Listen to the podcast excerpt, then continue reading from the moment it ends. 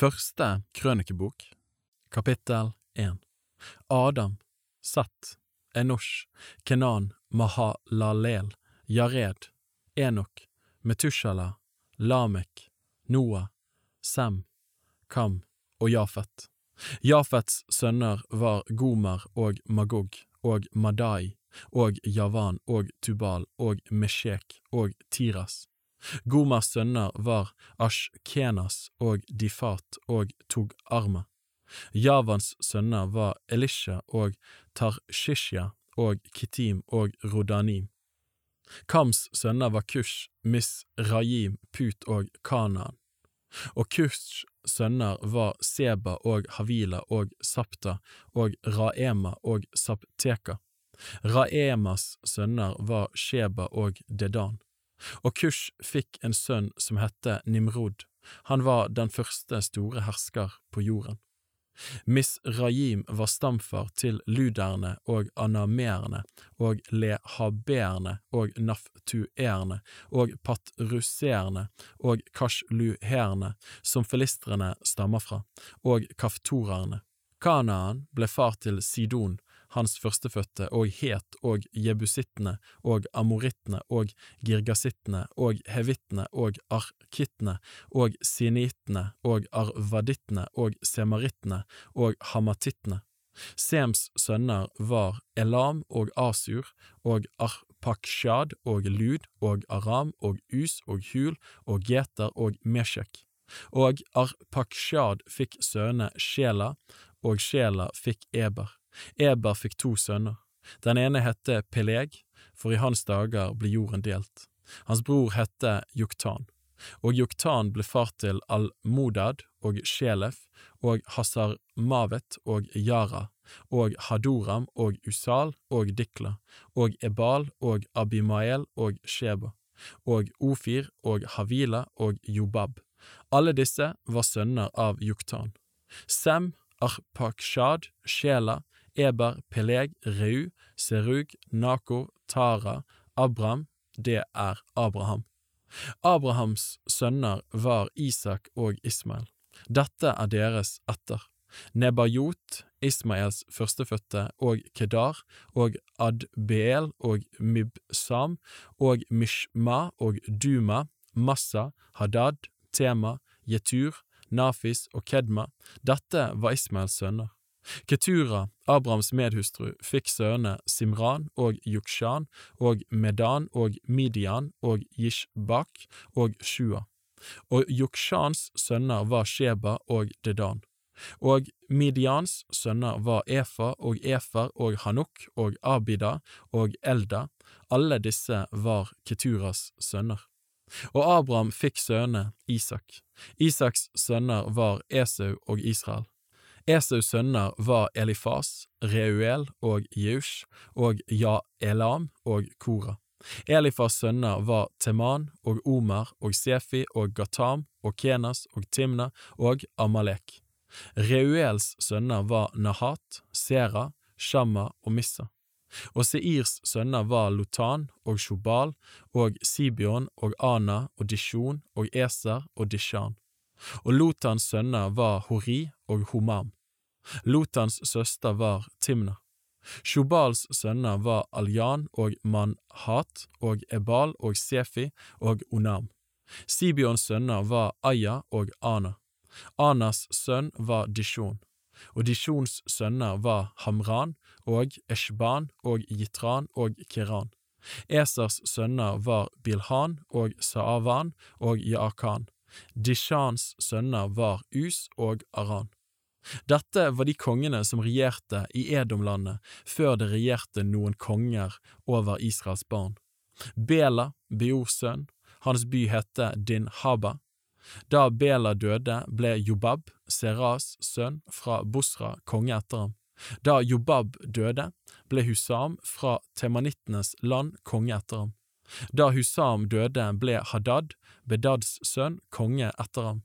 Det var han som slo midjanittene på Moabs mark. Hans by hette Ajut.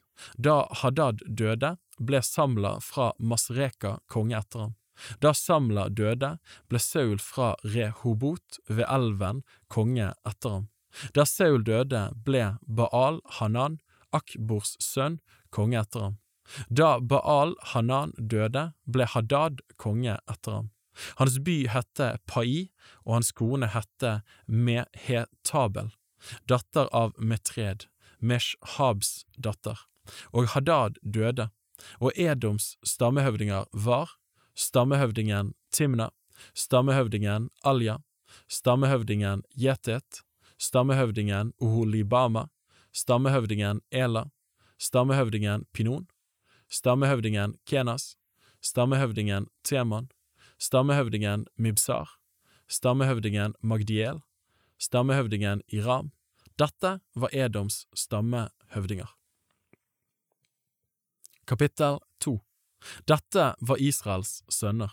Ruben, Simeon, Levi, Juda, Isakar, Sebulon, Dan, Josef og Benjamin, Naftali, Gad og Asher. Judas sønner var Er og Onan og Sjela. Disse tre fikk han med Sjuas datter, en kanoneisk kvinne. Men Er, Judas førstefødte, misbehaget Herren, og han lot ham dø.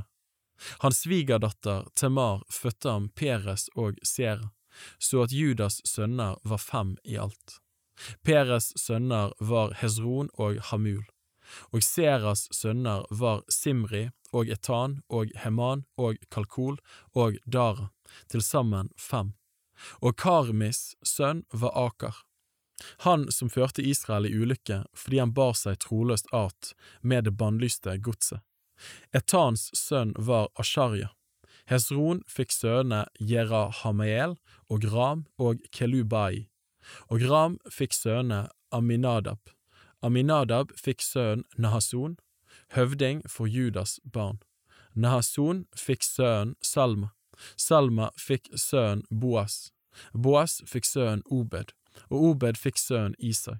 Isai fikk Eliab, som var hans førstefødte sønn, og Abinadab, hans andre sønn, Shimea den tredje, Netaneel den fjerde, Radai den femte, Osem den sjette, David den tjuende. Og deres søstre var Seruya og Abigail. Seruyas sønner var Absai og Joab og Asael, tre i tallet. Abigail fødte Amasa, og Amasas far var ismalitten Jeter. Kaleb, Hezrons sønn, fikk barn med sin kone Asuba og med Jeriot. Dette var Asubas sønner, Jeser og Shobab og Ardon. Da Asuba døde, tok Kaleb Efrat til kone, og med henne fikk han sønnen Hur. Hur fikk sønnen Uri, og Uri fikk sønnen Besalel. Siden gikk Hesron inn til en datter av Gileads far Makir. Han tok henne til kone da han var 60 år gammel, og fikk med henne sønnen Segub. Segub fikk sønnen Jair. Han hadde 23 byer i Gileads land. Men geshurittene og arameerne tok Jairs byer fra dem, og likeså Kenat med tilhørende landsbyer, i alt 60 byer. Alle disse var sønner av Gileads far Makir. Etter at Hezron var død i Kaleb Efrata, fødte hans kone Abiaham Ashur, Tekoas far. Sønnene til Jerahamel, Hezrons førstefødte, var Ram. Hans førstefødte, og Buna og Oren og Osem, dem hadde han med Akaya. Jerahameel hadde også en annen kone, som hette Atara, hun var mor til Onam. Sønnene til Ram, Jerahamels førstefødte, var Maas og Yamin og Eker. Onams sønner var Shamai og Jada. Shamais sønner var Nadab og Abishur. Abishurs kone hette Abihail, og med henne fikk han Akban og Molid. Nadabs sønner var Seled og Apayim. Seled døde uten sønner. Apayims sønn var Yishii, Yishiis sønn var Shesan, og Shans barn var Aklai. Sønnene til Shamais bror Jada var Jeter og Jonathan. Jeter døde uten sønner. Jonathans sønner var Pelet og Sasa. Dette var Jerahameels sønner. Shesan hadde ingen sønner, bare døtre. Men Shesan hadde en egyptisk tjener som hette Yara, og han lot sin tjener Yara få sin datter til kone, og med henne fikk han sønnen Atai. Atai fikk sønnen Natan, Natan fikk sønnen Sabad, Sabad fikk sønnen Eflal, Eflal fikk sønnen Obed, Obed fikk sønn Jehu, Jehu fikk sønn Asarja, Asarja fikk sønn Heles, Heles fikk sønn Elasa, Elasa fikk sønn Sismai, Sismai fikk sønn Shalum, Shalum fikk sønn Jekamya, Jekamya fikk sønn Elishama.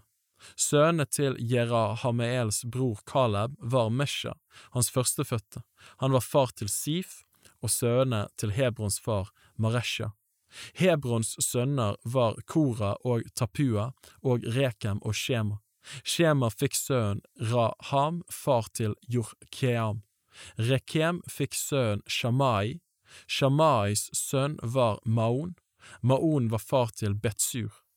Kalebs medhustru Efa fødte Haran og Mosea og Gassies. Haran fikk sønnen Gasses. Jehedais sønner var Regem og Jotam og Geshan og Pelet og Efa og Shaaf. Kalebs medhustru Maaka fødte Sheber og Tirhana. Hun fødte også Shaaf, far til Madmanna, og Sheba, far til Makbena og Gibia. Kalebs datter var Aksa. Dette var Kalebs sønner. Shubal, sønn til Efratas førstefødte sønn Hur, og far til Kiryat Jearim. Salma, far til Betlehem. Haraf, far til Betgader. Sønnene til Kiryat Jearims far Shobal var Haroe og halvdel av Manahat-ætten. Kiryat Jearims ætter var jitrittene og putittene og sumatittene og misraittene, fra dem stammer soratittene og eshtaolittene. Salmas sønner var Betlehem og netofatittene, Atrot, Bet, Joab og halvdel av manahaitene, sorittene. De skriftlærdes etter, deres som bodde i Jabes, var tiratittene, simatittene, sekuatittene. Dette er de ti kenitter som nedstammer fra Hamat, far til Rekabs hus. Kapittel 3 Dette var Davids sønner som han fikk i Hebron. Den førstefødte, Amnon, fikk han med Akinoam fra Israel. Den andre, Daniel, fikk han med Abigail fra Karmel. Den tredje, Absalon, var sønn av Maaka, en datter av kongen i Geshur, Talmai. Den fjerde, Adonia, var sønn av Hagit. Den femte, Sefatya, fikk han med Abital. Den sjette, Jitream, fikk han med sin kone Egla. Disse seks fikk han i Hebron. Der regjerte han i sju år og seks måneder. I 33 år regjerte han i Jerusalem, og dette er de sønnene han fikk i Jerusalem, Shimea og Shobab og Natan og Salomo. Disse fire fikk han med Batsua, Amiels datter, og Jibhar og Elishama og Elifelet og Nogaa og Nefeg og Jafia og Elishama og Eliada og Elifelet ni i tallet. Alle disse var Davids sønner, i tillegg til de sønnene han fikk med sine medhustruer. Og Tamar var deres søster. Salomos sønn var Rehabeam, hans sønn Abia, hans sønn Asa, hans sønn Yushafat, hans sønn Joram, hans sønn Akasha, hans sønn Joash, hans sønn Amasha, hans sønn Asaria, hans sønn Jotam, hans sønn Akas, hans sønn Hiskia, hans sønn Manasseh, hans sønn Amon, hans sønn Yushia. Og Yushias sønner var Johanan, som var hans førstefødte sønn, Jojakim, hans andre sønn, Sitkia den tredje, Shalum den fjerde. Jojakims sønner var hans sønn Jekonja og hans sønn Sitkia. Den fangne Jekonjas sønner var hans sønn Shealtiel og Malkiram og Pedaya og Shenashar og Jekamya og Hosama og Nedabya. Pedayas sønner var Serubabel og Shimei. Serubabels sønner var Meshulam og Hananya, deres søster var Shelomit, og Hashbua og Ohel og Berecha og Hasadya og Jeshubad Hesed, fem i tallet. Og Hananias etterkommere var Pelatia og Jesaja og Refaias sønner, Arnans sønner, Obadjas sønner og Shekanias sønner. Shekanias sønn var Shemaya. Shemaias sønner var Hatush og Jigal og Baria og Nearia og Safat seks i tallet.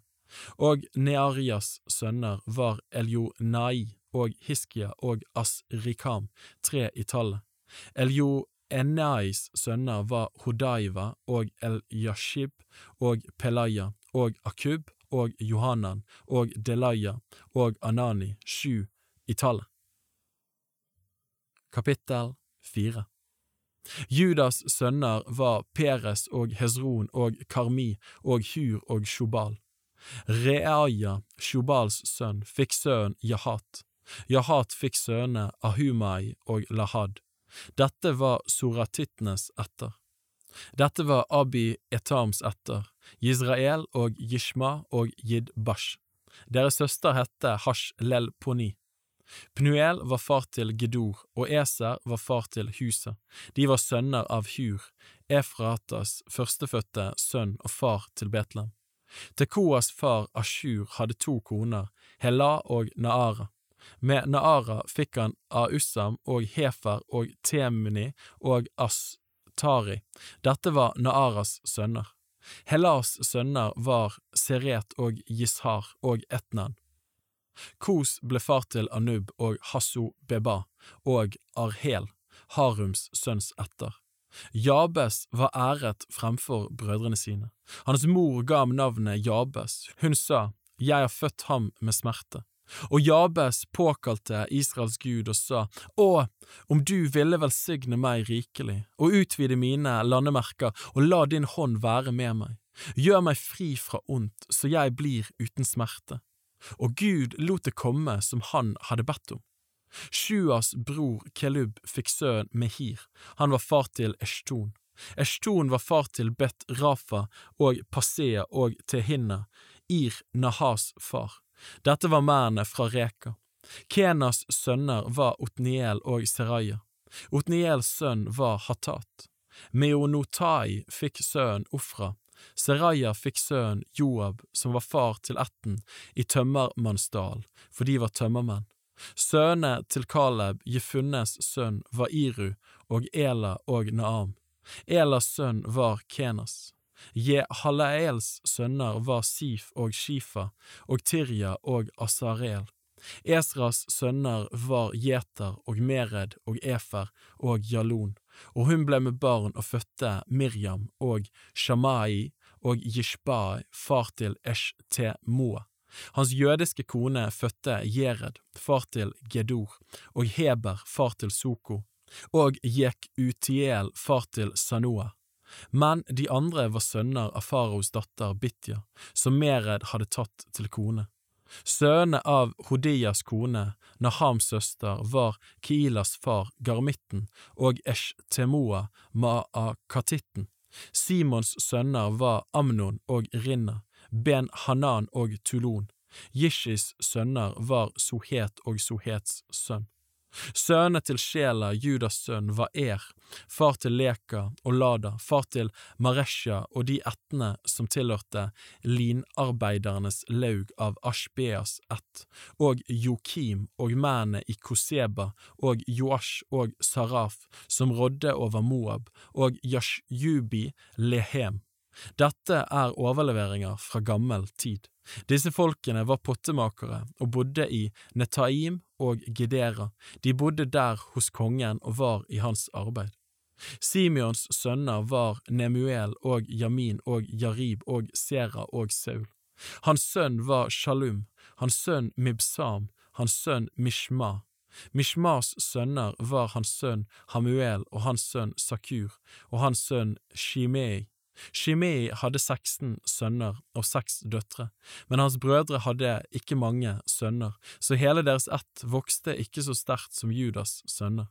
De bodde i Bersheba og Molada og Hazar Shual og i Bila og i Esem og i Tolad og i Betuel og i Horma og i Siklag. og i Bet Markabot, og i Hazar Susim, og i Bet Biri, og i Shayarayim. Det var deres byer inntil David ble konge, med tilhørende landsbyer, og i Etam og Ayin, Rimmon og Token og Ashan, fem byer, og alle de landsbyene som lå rundt omkring disse byene helt til Baal. Dette var deres bosteder, og de hadde sin egen etterliste. Meshobab og Jamlek og Jusha, Amashas sønn, og Joel og Jehu, sønn av Joshibya, som var sønn av Asiels sønn Seraya, og Eljoneai og Jakoba og Jeshohaya og Asaya og Adiel og Jesimiel og Benaya og Shishya, sønn av Sifi, som var sønn av Alon, som var sønn av Jedaya, som var sønn av Simri, som var sønn av Shemaya. Disse, som er nevnt her ved navn, var høvdinger i sine ætter, og deres familier ble meget utbredt. De dro av sted bortimot Gedor, helt til østsiden av dalen for å finne beite for småfe.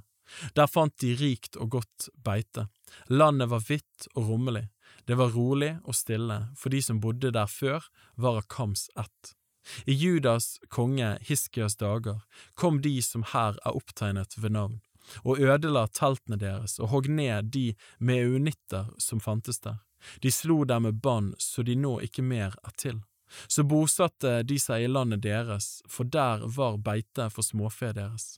500 mann av dem, av Simeons barn, dro til Seirfjellet under førerskap av Pelatja og Neraya og Refaya og Usiel, Jishis sønner. De slo i hjel resten av de amalekittene som hadde sluppet unna. Så bosatte de seg der og bor der den dag i dag. Kapittel 5 Sønnene til Ruben, Israels førstefødte sønn, han var den førstefødte, men fordi han vanhelliget sin fars leie, ble førstefødselsretten gitt til sønnene av Josef, Israels sønn, som likevel ikke ble ført inn i etterlisten som den førstefødte. For Juda ble den mektigste blant sine brødre, og fyrsten skulle være en av hans etterkommere. Men førstefødselsretten tilhørte Josef. Sønnene til Ruben, Israels førstefødte, var Hanuk og Pallu og Hesron og Karmi. Joels sønner, hans sønn Shemaya, hans sønn Gog, hans sønn Shimei, hans sønn Mika, hans sønn Reaya, hans sønn Baal, hans sønn Beera, som kongen i Asyria til Gat Pilneser bortførte i fangenskap. Han var høvding for rubenittene. Hans brødre var etter sin etter, da de ble opptegnet etter sine ett ledd. Jeiel den første, og Zakaria, og Bela, sønn av Asas, som var sønn av Joels sønn Shema, som bodde i Aroer og helt til Nebo og Baal Meon, og mot øst nådde hans bosteder til bort imot ørken som strekker seg fra elven Frat, for deres fe hadde økt sterkt i Gileads land. I Seuls dager førte de krig med Hagar-enerne, som ble unnatvunget av dem. Så bodde de i deres telter langs hele østsiden av Gilead. Gads barn hadde sine bosteder midt imot dem i Basans land helt til Salka. Joel den første og Shafan den andre og Janai og Safat i Basan. Deres brødre var etter sine familier Mikael og Meshulam og Sheba og Jorai og Yakan og Sia og Eber, sju i tallet. Disse var sønner av Abi Hayil, sønn av Huri, sønn av Jaroha, sønn av Gilead, sønn av Mikael, sønn av Yeshishai, sønn av Yahud, sønn av Bus. Aki, sønn av Gunis sønn Abdiel, var overhodet for deres slekter. De bodde i Gilead i Basan og tilhørende byer og på alle Sarons jorder så langt de strakte seg. Alle disse ble ført inn i etterlistene i Judas konge Jotams dager og i Israels konge Jeroboams dager. Rubens barn og gadittene og halvdel av Manasses stamme var djerve menn, menn som bar skjold og sverd og spente bue og var opplært til krig. De var 44 760 menn som kunne gå i strid. De førte krig mot hagarenerne og Jetur og Nafis og Nodab. De fikk hjelp mot dem så hagarenerne og alle som var med dem, ble gitt i deres hånd. For de ropte til Gud i striden, og han bønnhørte dem, fordi de satte sin lit til ham. De bortførte deres fe, 50 000 kameler og 250 000 småfe og 2000 esler og dessuten 100 000 mennesker, for mange var falt og drept, for denne krig var fra Gud, og de bodde i bygdene deres like til bortførelsen. Den halve Manasses stammes barn bodde i landet fra Basan til Baal Hermon og Senir og Hermonfjellet, de var tallrike. Dette var deres overhoder, Efer og Jishi, og Eliel og Asriel og Jirmeya og Hodavya og Jahadiel, veldige stridsmenn, navngjetne menn, hoder for sine familier. Men de bar seg troløst at mot sine fedres Gud, og drev hor med de guder som folkene i landet dyrket, de folk som Gud hadde utryddet for dem. Da oppegget Israels gud asyrerkongen Pul, det er asyrerkongen Tilgat Pilneser, mot dem, og han bortførte dem, både rubenittene og gadittene og den halve Manasses stamme, og han flyttet dem til Hala og Habor og Hara og Gosan-elven, og der er de den dag i dag. Kapittel 6 Levis sønner var Gershom og Kahat og Merari. Kahats sønner var Amram og Jishar og Hebron og Uziel. Amrams barn var Aron og Moses og Miriam. Arons sønner var Nadab og Abihu og Elieser og Itamar. Elieser fikk sønnen Pineas, Pineas fikk sønnen Abishua, Abishua fikk sønnen Bukki, Bukki fikk sønnen Ussi, Ussi fikk sønnen Seraya, Seraya fikk sønnen Merayot, Merayot fikk sønnen Amaria, Amaria fikk sønnen Akitub, Akitub fikk sønnen Saduk, Saduk fikk sønnen Akimaas, Akimaas fikk sønnen Asarya, Asarya fikk sønnen Johanan, Johanan fikk sønnen Asarya. Det var han som gjorde prestetjeneste i det huset som Salomo hadde bygd i Jerusalem. Asarya fikk sønnen Amaria, Amaria fikk sønnen Akitub, Akitub fikk sønnen Saduk, Saduk fikk sønnen Shalum, Shalom fikk sønnen Hilkia, Hilkia fikk sønnen Asarja, Asarja fikk sønnen Seraya, Seraya fikk sønnen Josadak. Josadak dro med da Herren bortførte Juda og Jerusalem i fangenskap ved Nebukaneser. Levis sønner var Gershom og Kahat og Merari, og dette er navnet på Gershoms sønner, Libni og Shimei. Kahats sønner var Amram og Jishar og Hebron og Usiel. Meraris sønner var Mahali og Mushi. Dette var levittenes etter etter deres fedre. Gershoms sønner var hans sønn Libni, hans sønn Jahat, hans sønn Simma, hans sønn Joa, hans sønn Iddo, hans sønn Sera, hans sønn Jeatrai.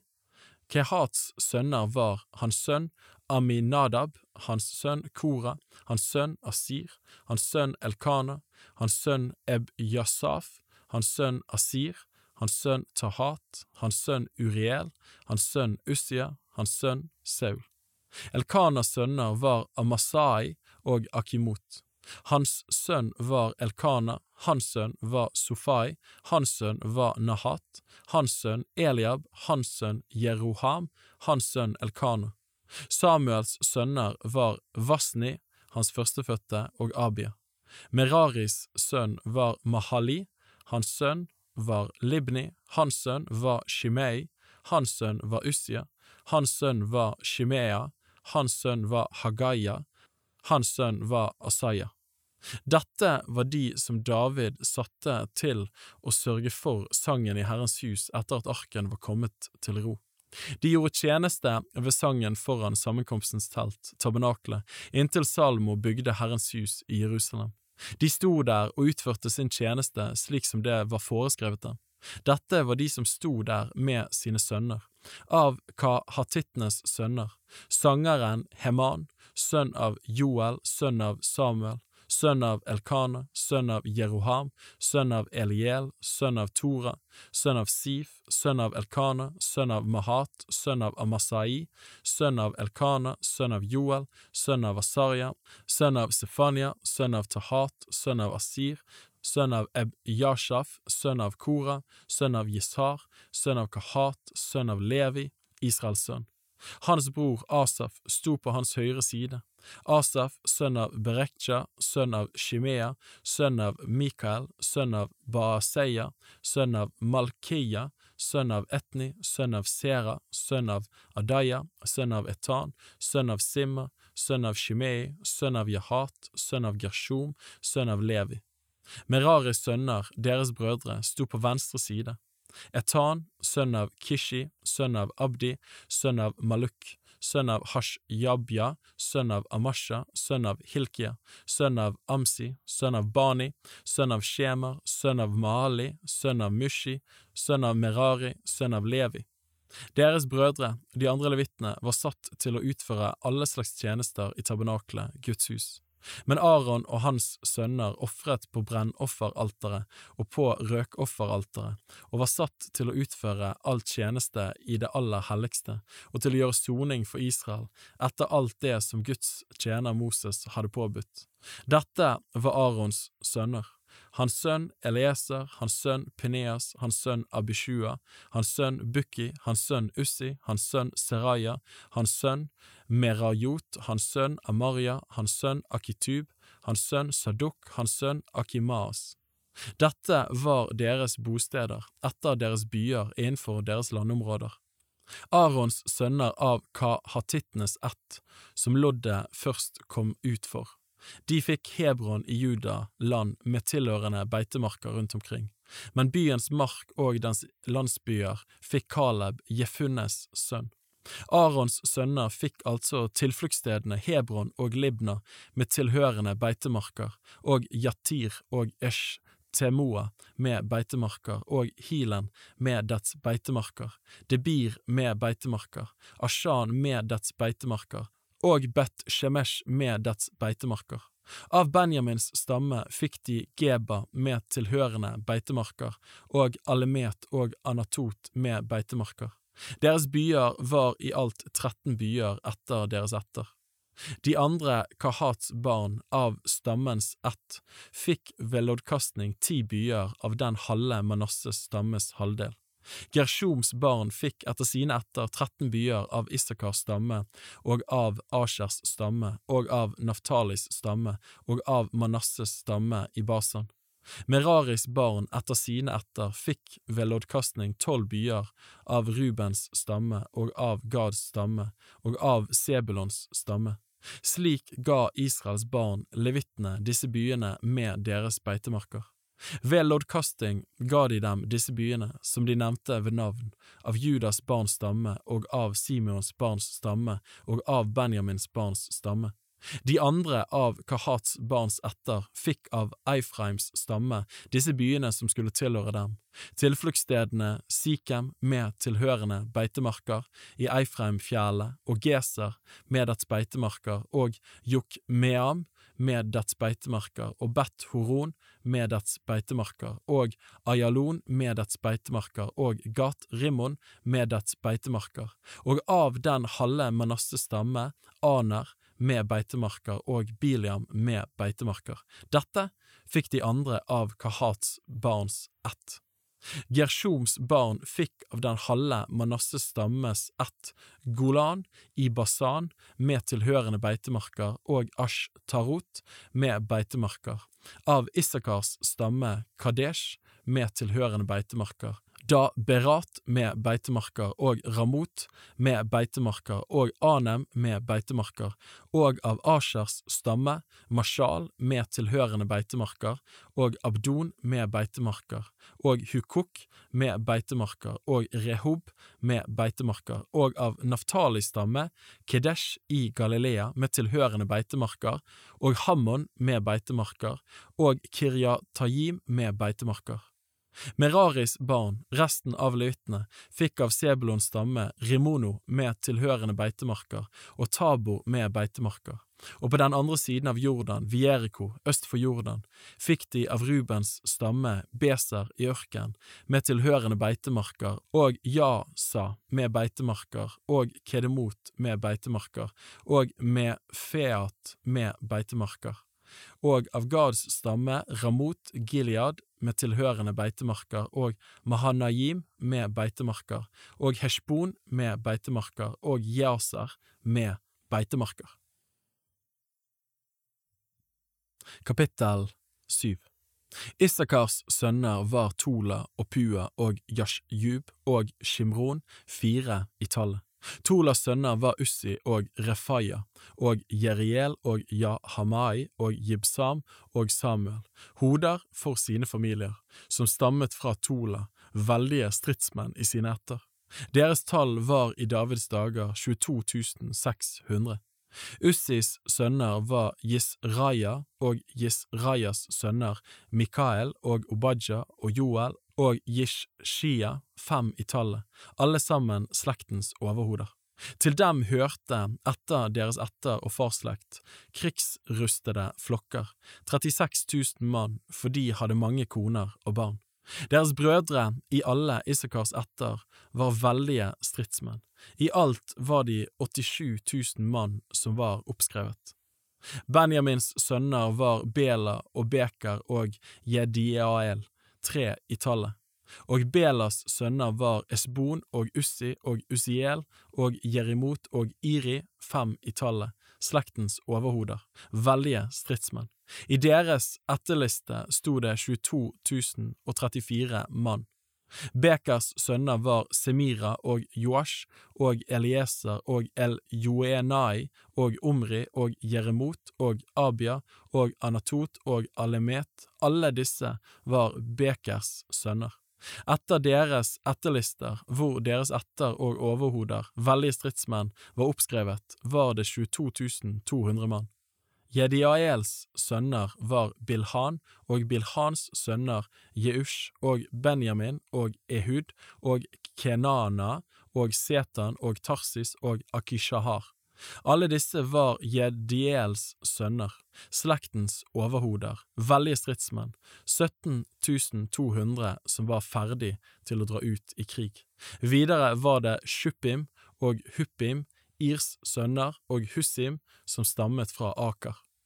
Naftalis sønner var Jahasiel og Guni og Jeser og Shalum, Bilhas sønner.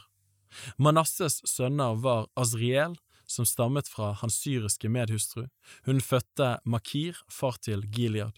Makir tok til kone en søster av Huppim og Shuppim, og hans søster hette Maaka.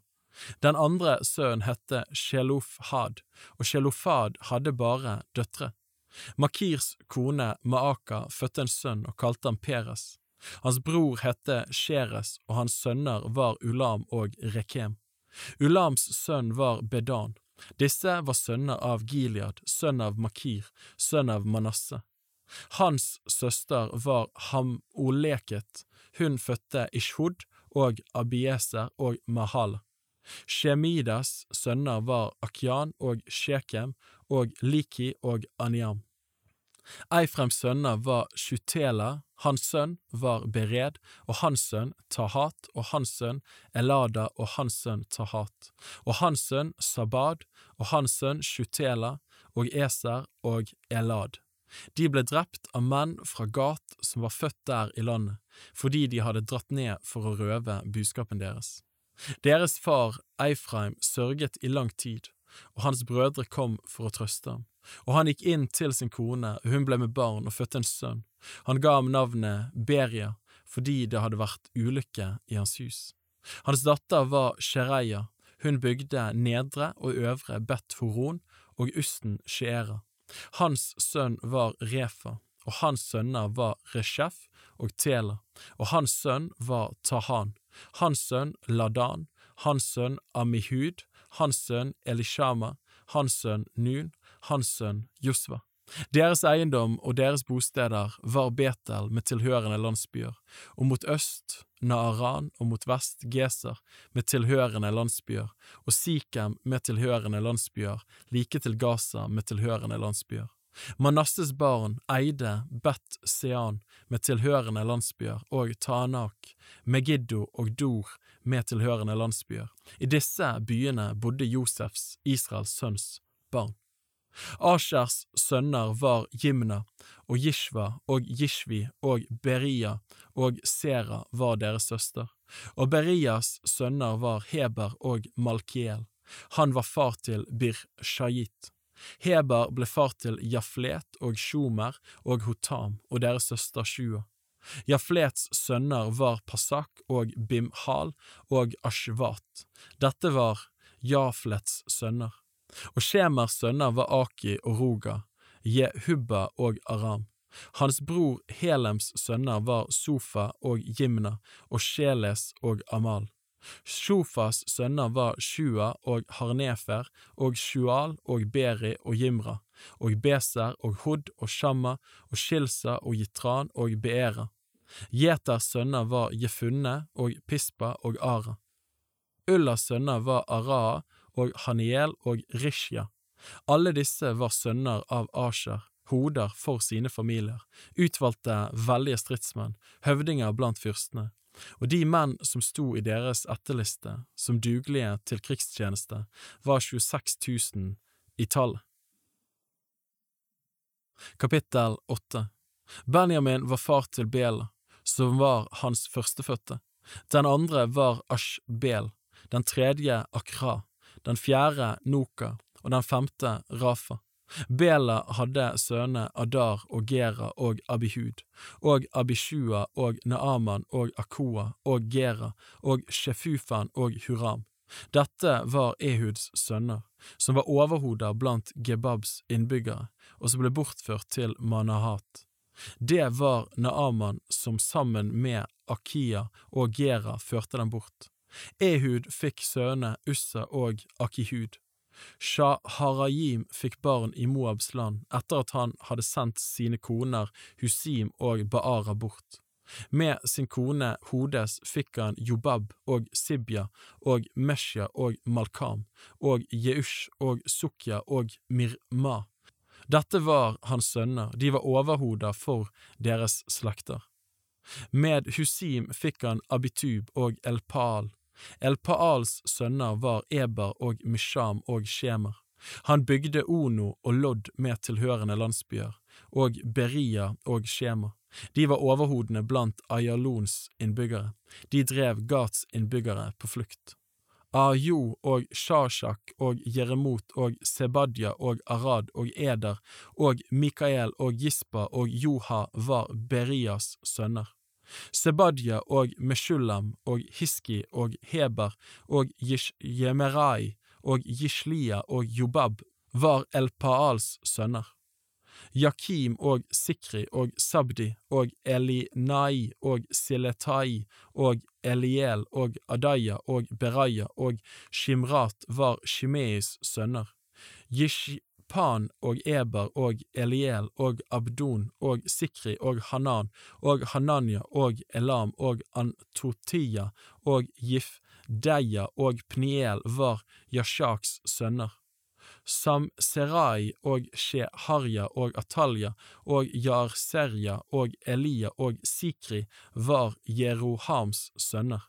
Alle disse var familienes overhoder, overhoder for sine etter.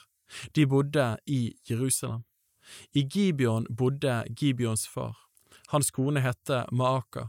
Hans førstefødte sønn var Abdon, og så var det Sur og Kis og Baal og Nadab og Gedor og Ahayo og Sekar. Miklot fikk sønnen Shimea, også disse bodde midt imot sine brødre i Jerusalem, sammen med sine brødre. Ner fikk sønnen Kis, og Kis var far til Saul, og Saul fikk sønnene Jonathan og Malkishua og Abinadab og Eshbaal. Jonathans sønn var Meribal, og Meribal fikk sønnen Mika. Mikas sønner var Piton og Melek og Tarea og Akas. Akas fikk sønnen Joada, Joada fikk Alemet og Asmavet og Simri. Simri fikk Mosa. Mosa fikk sønnen Bina. Hans sønn var Rafa, hans sønn Elasa, hans sønn Azel. Azel hadde seks sønner, og dette var deres navn. As-Rikam og Bokeru og Ismael og Shearia og Obadja og Hanan. Alle disse var sønner av Azel. Hans bror Eseks sønner var Ulam, den førstefødte, og Jeush den andre og Elifelet den tredje. Ulams sønner var veldige stridsmenn, dyktige bueskyttere. De hadde mange sønner og sønnesønner, 150. Alle disse var Benjamins barn. Kapittel 9 Hele Israel ble ført inn i etterlister og finnes oppskrevet i Israels kongers bok. Og Juda ble bortført til fangenskap i Babel på grunn av sin utroskap. De første som igjen bodde på sin eiendom, i sine byer, var vanlige israelitter, prester, levitter og tempeltjenere. I Jerusalem bodde noen av Judas barn og av Benjamins barn og av Eifreims og Manasses barn.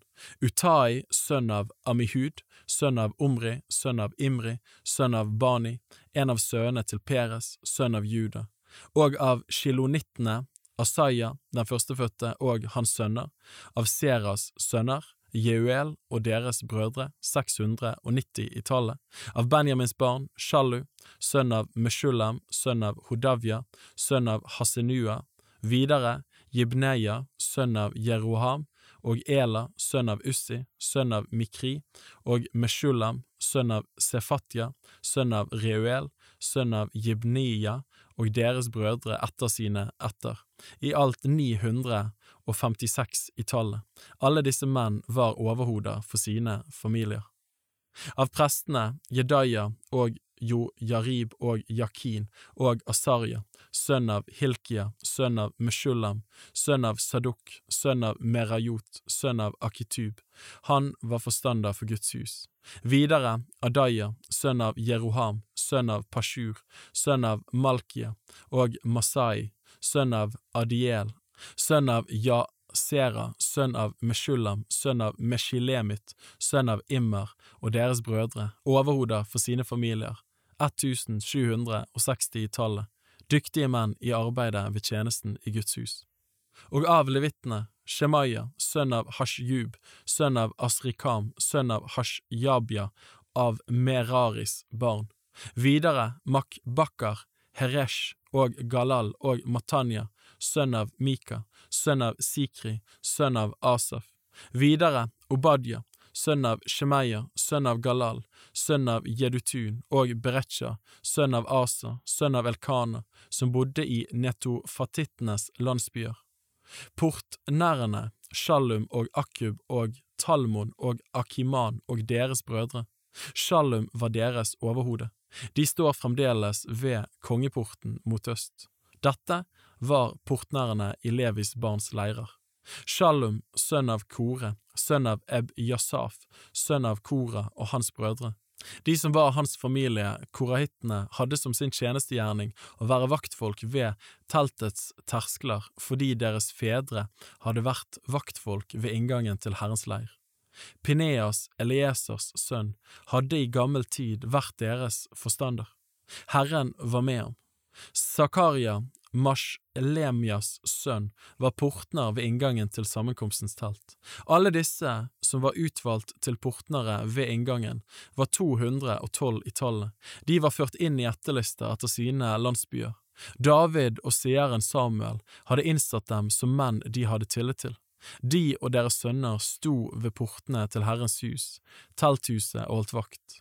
Etter de fire verdenshjørner hadde portnerne sin plass, mot øst, vest, nord og sør. Deres brødre som bodde i sine landsbyer, skulle fra tid til annen komme og hjelpe dem for sju dager om gangen. De fire forstanderne for portnerne var betrodde menn. De var levitter.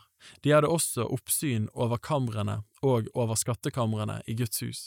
Om natten holdt de seg rundt omkring Guds hus, for det var deres plikt å holde vakt, og de skulle lukke opp portene hver morgen. Noen av levittene hadde tilsyn med de redskapene som var i bruk ved tjenesten. De talte dem både når de bar dem inn og når de bar dem ut. Noen av dem var satt til å ha tilsyn med de andre redskapene, alle helligdommenes redskaper, og med melet og vin og oljen og røkelsen og krydderiene. Noen av prestenes sønner laget kryddersalven.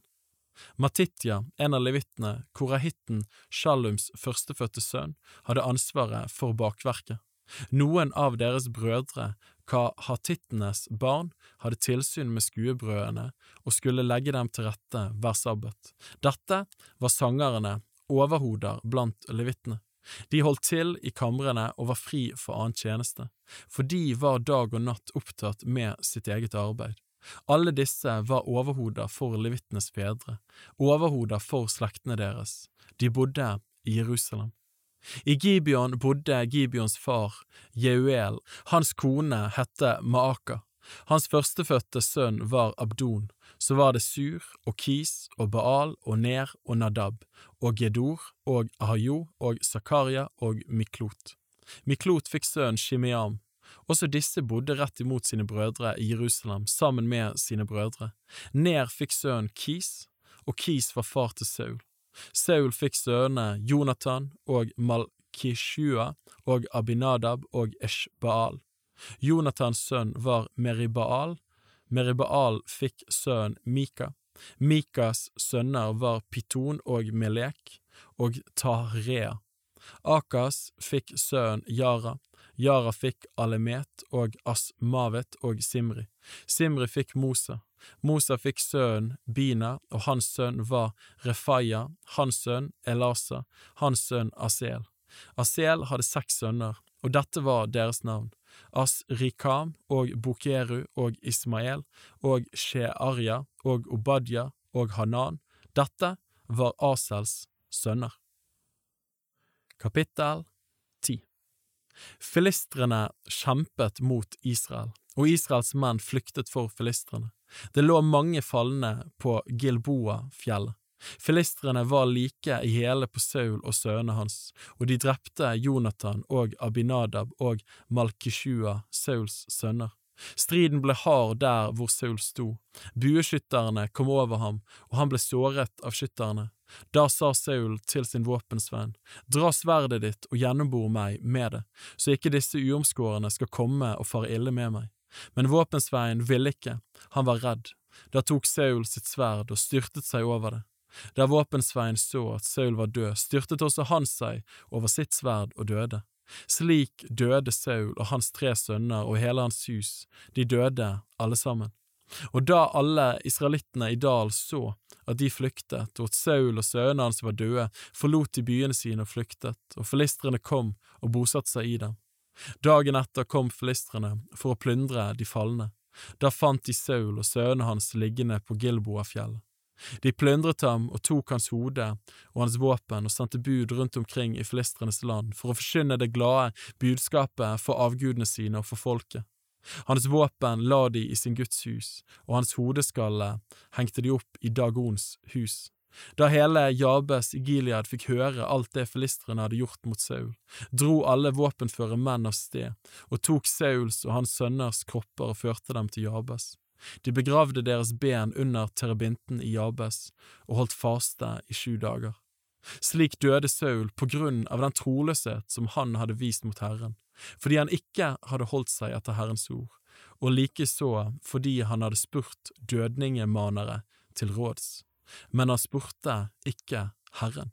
Derfor lot han ham dø og førte kongedømmet over til David, Isais sønn. Kapittel 11 så kom hele Israel sammen hos David i Hebron og sa, Vi er jo av samme kjøtt og blod som du. Altfor lenge siden, mens Saul var konge, var det du som førte Israel ut og inn. Og Herren din Gud sa til deg, Du skal være hyrde for mitt folk Israel, og du skal være fyrste over mitt folk Israel. Alle Israels eldste kom til kongen i Hebron, og David gjorde en pakt med dem i Hebron for Herrens åsyn. De salvet David til konge over Israel etter det ordet Herren hadde talt ved Samuel. Så dro David og hele Israel til Jerusalem, det er Jebus. Der bodde jebusittene, landets innbyggere. Innbyggerne i Jebus sa til David, Du kommer aldri inn her. Men David inntok Sions borg, det er Davids by. Og David sa, Den som først slår jebusittene, skal bli høvding og fører. Og Joab, Serujas sønn, steg først opp og ble høvding. David tok sin bolig i borgen, derfor kaltes den Davids by. Han bygde byen rundt omkring, fra Millo og utover, og Joab bygde opp igjen resten av byen. David ble større og større, og Herren herskarenes Gud var med ham. Dette er de fremste blant Davids helter. Sammen med hele Israel ga de hans kongedømme kraftig støtte for å gjøre ham til konge etter Herrens ord om Israel. Dette er Davids helter, så mange de var. Jas Jobam, Hakmonis sønn, høvding for de 30.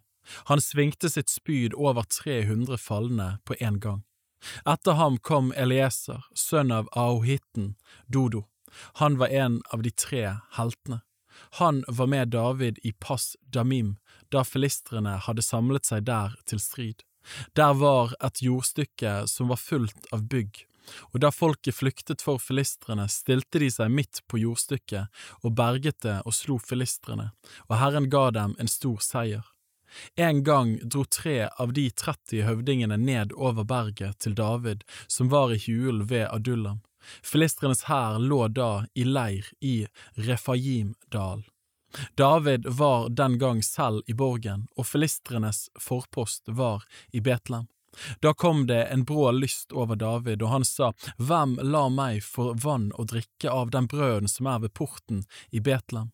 Da brøt de tre seg gjennom filistrenes leir og øste vann opp av brøden ved Betlehems port og tok det med seg og kom til David med det. Men David ville ikke drikke det, han øste det ut for Herren, og han sa, Min Gud, la det være langt fra meg å gjøre dette.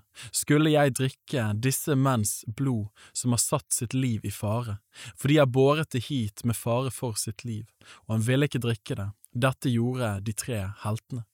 Så var det Absai, bror til Joab, han var fører for de tre. Han svingte sitt spyd over 300 falne og hadde et navn blant de tre. Fremfor de 30 var han dobbelt æret og ble høvding for dem, men nådde ikke opp til de tre.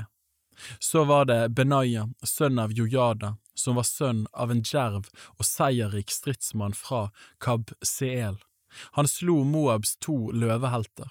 En dag det hadde snødd, steg han ned i en brønn og slo i hjel en løve. Likeså slo han i hjel en egypter, en mann som var fem a lang. Egypteren hadde et spyd som en veverstang i hånden, men han gikk ned mot ham med staven sin og rev spydet ut av hånden på egypteren og drepte ham med hans eget spyd. Dette gjorde Benaya, Jojadas sønn, også han hadde et navn blant de tre heltene. Fremfor de 30 var han æret, men til de tre nådde han ikke opp. David satte ham over livvakten. De djerveste i hæren var Azael, bror til Joab, Elhanan, Dodos sønn fra Betlehem, Haroritten Shamut, Pelonitten Heles, Tekoitten Ira, sønn av Ikesh, Anatotitten Abieser, Husatitten Sibekai, Ahohitten Ilai, Netofatitten Maharai, Netofatitten Heled, sønn av Baana, Itai Ribais sønn fra Gibia i Benjamins stamme, piratonitten Benaya, Hurai fra Gaesh-dale, Arbatitten Abiel, Baharumitten Asmavet, Shahalbonitten Eljaba, Gisonitten Bene Hashem, Hararitten Akiam, sønn av Sakar, Elifar, sønn av Ur, Mekeraiten Hefer, Pelonitten Akia, Karmelitten Hesro, Naarai, sønn av Esbai, Joel, bror til Natan, Mibhar, sønn av Hagri, ammonitten Selek, berotitten Naharai, Joabs, Serujas sønns våpensvein, Jitritten Ira, Jitritten Gareb, Hetitten Uria, Sabad, sønn av Ali, Rubenitten Adina, sønn av Shisha, overhodet for rubenittene, og i tillegg til ham 30. Hanan, sønn av Maaka, Mitt-nitten Jushafat, Asteratitten Ussia, Sama og Jeuel, sønn av Aroritten Hotam, Jediael, sønn av Simri, og hans bror Joha, Tisitten, Eliel fra Mahajim og Jeribai og Joshavia, sønn av Elnaam, og moabitten Jitma, Eliel og Obed og Yasiel fra Soba. Kapittel 12 Dette er de som kom til David i Siklag, mens han ennå måtte holde seg der av frykt for Saul, Kis sønn. De hørte til de heltene som hjalp ham i krigen. De var væpnet med bue og opprøvd i å slynge steiner og skyte piler med buen, både med høyre og venstre hånd. De hørte til Sauls stammefrender, til benjamittene. Det var Akieser, den øverste av dem, og Joash, sønner av Gibeatitten Shemai, og Jesuel og Pelet, sønner av Asmavet, og Berakya, og Anatotitten Jehu, og Gibeonitten Jishmaya, en av de 30 heltene og høvding over de 30, og Jirmeya, og Jahasiel, og Johanan, og Gedaratitten Yushabad, Elusai, og Jerimot og Bealja og Shemerja og Harusitten Sefatya, Koharittene Elkana og Yishia og Asarel og Joeser og Yashjobam og Joela og Sebadja, sønner av Jeroham fra Gedor. Av gadittene gikk noen over til David i fjellborgen i ørken. De var djerve helter, krigsvante stridsmenn væpnet med skjold og spyd. De var som løver å se til, og de var raske som gaseller på fjellet. Eser var den første, Obadja den andre, Eliab den tredje, Mishmanna den fjerde, Jirmeya den femte, Atai den sjette, Eliel den tjuende, Joanan den åttende, Elsabad den niende, Jirmeya den tiende, Makbanai den ellevte. Disse hørte til Gads barn og var høvedsmenn i hæren. Den ringeste av dem var satt over hundre, og den største var satt over tusen. Det var disse som gikk over Jordan i den første måneden, da elven gikk over alle sine bredder, og som drev på flukt alle som bodde i dalen, både mot øst og mot vest. Det kom også noen av Benjamins og Judas barn til David, helt til fjellborgen. David gikk ut til dem og tok til orde og sa til dem, Kommer dere til meg med fred og vil hjelpe meg, da skal mitt hjerte høre dere til, og vi skal holde sammen. Men kommer dere for å forråde meg til fiendene mine, skjønt det ingen urett er i mine hender, må da våre fedres Gud se det og straffe det. Da kom åren over Amasai, høvedsmannen for de 30, og han sa, Dine er vi, David og med deg holder vi fred, du Isaks sønn. Fred være med deg, og fred være med dine hjelpere, for din Gud hjelper deg. Da tok David imot dem og satte dem til høvedsmenn i krigerflokken. Av Manasseh gikk noen over til David. Det hendte da han dro ut til strid mot Saul sammen med filistrene, men han kom likevel ikke til å hjelpe dem, for filistrenes høvdinger hadde holdt råd og så sendt ham bort i det de sa, det vil koste oss våre hoder om han nå går over til sin herre Saul. Da han så dro til Siklag, gikk noen av Manasseh over til ham. Det var Adna og Josabad og Jedial og Mikael og Josabad og Eliu og Siletai, høvedsmennene for de tusener som hørte til Manasseh. Disse hjalp David mot røverflokken, for de var alle djerve stridsmenn, og de ble høvedsmenn i hæren. For dag etter dag kom det folk til David for å hjelpe ham, inntil det ble en stor hær, som en Guds hær. Dette er tallet på de væpnede flokkene som kom til David i Hebron for å føre Sauls kongedømme over til ham etter Herrens ord. Judas barn som bar skjold og spyd, 6800 mann væpnet til strid. Av Simeons barn, djerve, krigsvante stridsmenn, 7100. Av Levis barn 4600, og dessuten Jojada, høvdingen for Arons ett, og med ham 3700 mann, og likeså Saduk, en ung, djerv stridsmann med sin familie, 22 høvedsmenn. Av Benjamins barn, Sauls stammefrender, kom det 3000 mann. Inntil den tid hadde den største del av dem holdt seg til Sauls hus. Av Eifreims barn 20 800 mann, djerve stridsmenn, navngjetne menn i sine familier. Av den halve Manasses stamme 18 000 mann, som var spesielt navngitt til å dra av sted og gjøre David til konge. Av Isakars barn kom det menn som forsto seg på tidene, så de visste hva Israel hadde å gjøre. Deres høvedsmenn var 200, og alle deres stammefrender rettet seg etter deres ord. Av Sebulons menn som dro ut i strid og var rustet til krig med alle slags krigsvåpen, kom det 50 000 mann. De fylket seg til slag med hjerter uten svik. Av Naftali kom det 1000 høvedsmenn, og med dem 37 000 mann med skjold og spyd. Av danittene kom det menn som var rustet til krig, 28 600 mann. Av Asher kom det 40 000 mann som dro ut i strid for å fylke seg til slag.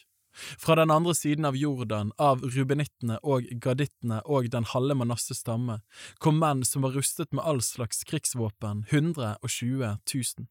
Alle disse krigsmennene kom i ordnet fylking til Hebron med oppriktig hjerte for å gjøre David til konge over hele Israel. Også hele resten av Israel var enig om å gjøre David til konge, og de var der hos David i tre dager og åt og drakk, for deres landsmenn hadde laget i stand mat for dem. Også de som bodde dem nærmest, like til Issakar og Sebulon og Naftali, kom med mat på esler og kameler og muldyr og okser, mel, fikenkaker og rosinkaker og vin og olje og storfe og småfe i mengde, for det var glede i Israel. Kapittel 13 Og David holdt råd med høvedsmennene over tusen og over hundre med alle høvdingene. Og David sa til hele Israels menighet, dersom dere synes det er godt, og Herren vår Gud åpner en vei, så la oss sende bud til alle kanter til våre andre brødre i alle Israels landskaper. Dessuten til prestene og levittene i de byene de har med beitemarker omkring, at de skal samle seg hos oss. La oss så flytte vår Guds ark hit til oss, for i Sauls dager spurte vi jo aldri etter den. Da sa hele menigheten at så burde en gjøre, for det var rett i hele folkets øyne. Så samlet David hele Israel fra Shihor i Egypt til bortimot Hamat for å hente Guds ark fra Kiryat Jearim. Og David og hele Israel dro opp til Baala til Kiryat Jearim, som hører til Juda. De dro dit for å føre opp derfra Gud, Herrens ark, han som troner over kirubene, hvor hans navn nevnes. Og de satte Guds ark på en ny vogn og førte den bort fra Abinadabs hus, og Ussa og Ajo kjørte vognen. David og hele Israel lekte for Guds åsyn av all makt, både til sanger og sitarer og harper og tamburiner og symbler og trompeter. Da de kom til Kidons treskeplass, rakte Ussa hånden ut for å ta fatt i arken, for oksene var blitt ustyrlige. Da ble Herrens vrede opptent mot Ussa, og han slo ham fordi han hadde rakt hånden ut mot arken, så han døde der for Guds åsyn. Men David ble ille til mote fordi Herren hadde slått Ussa ned. Derfor er dette stedet blitt kalt Peres Ussa, like til denne dag. Den dagen ble David fylt av frykt for Gud og sa, Hvordan skulle jeg kunne føre Guds ark inn til meg? Og David flyttet ikke arken inn til seg i Davids by, men lot den føre bort til gittitten Obed Edoms hus. Guds ark ble stående hos Obed Edoms familie i hans hus i tre måneder, og Herren velsignet Obed Edoms hus og alt hva hans var. Kapittel 14 Hiram, kongen i Tyrus, skikket sendemenn til David med sedertre, og han sendte steinhoggere og tømmermenn for å bygge et hus til ham. Og David skjønte at Herren hadde stadfestet hans kongedømme over Israel, for hans rike hadde fått stor anseelse for hans folk Israels skyld. David tok enda flere koner i Jerusalem, og han fikk enda flere sønner og døtre. Dette er navnet på de sønnene han fikk i Jerusalem. Shamua og Shobab, Natan og Salomo og Jibhar og Elishua og Elpelet og Nogaha og Nefeg og Jafia og Elishama og Beeljada og Elifelet.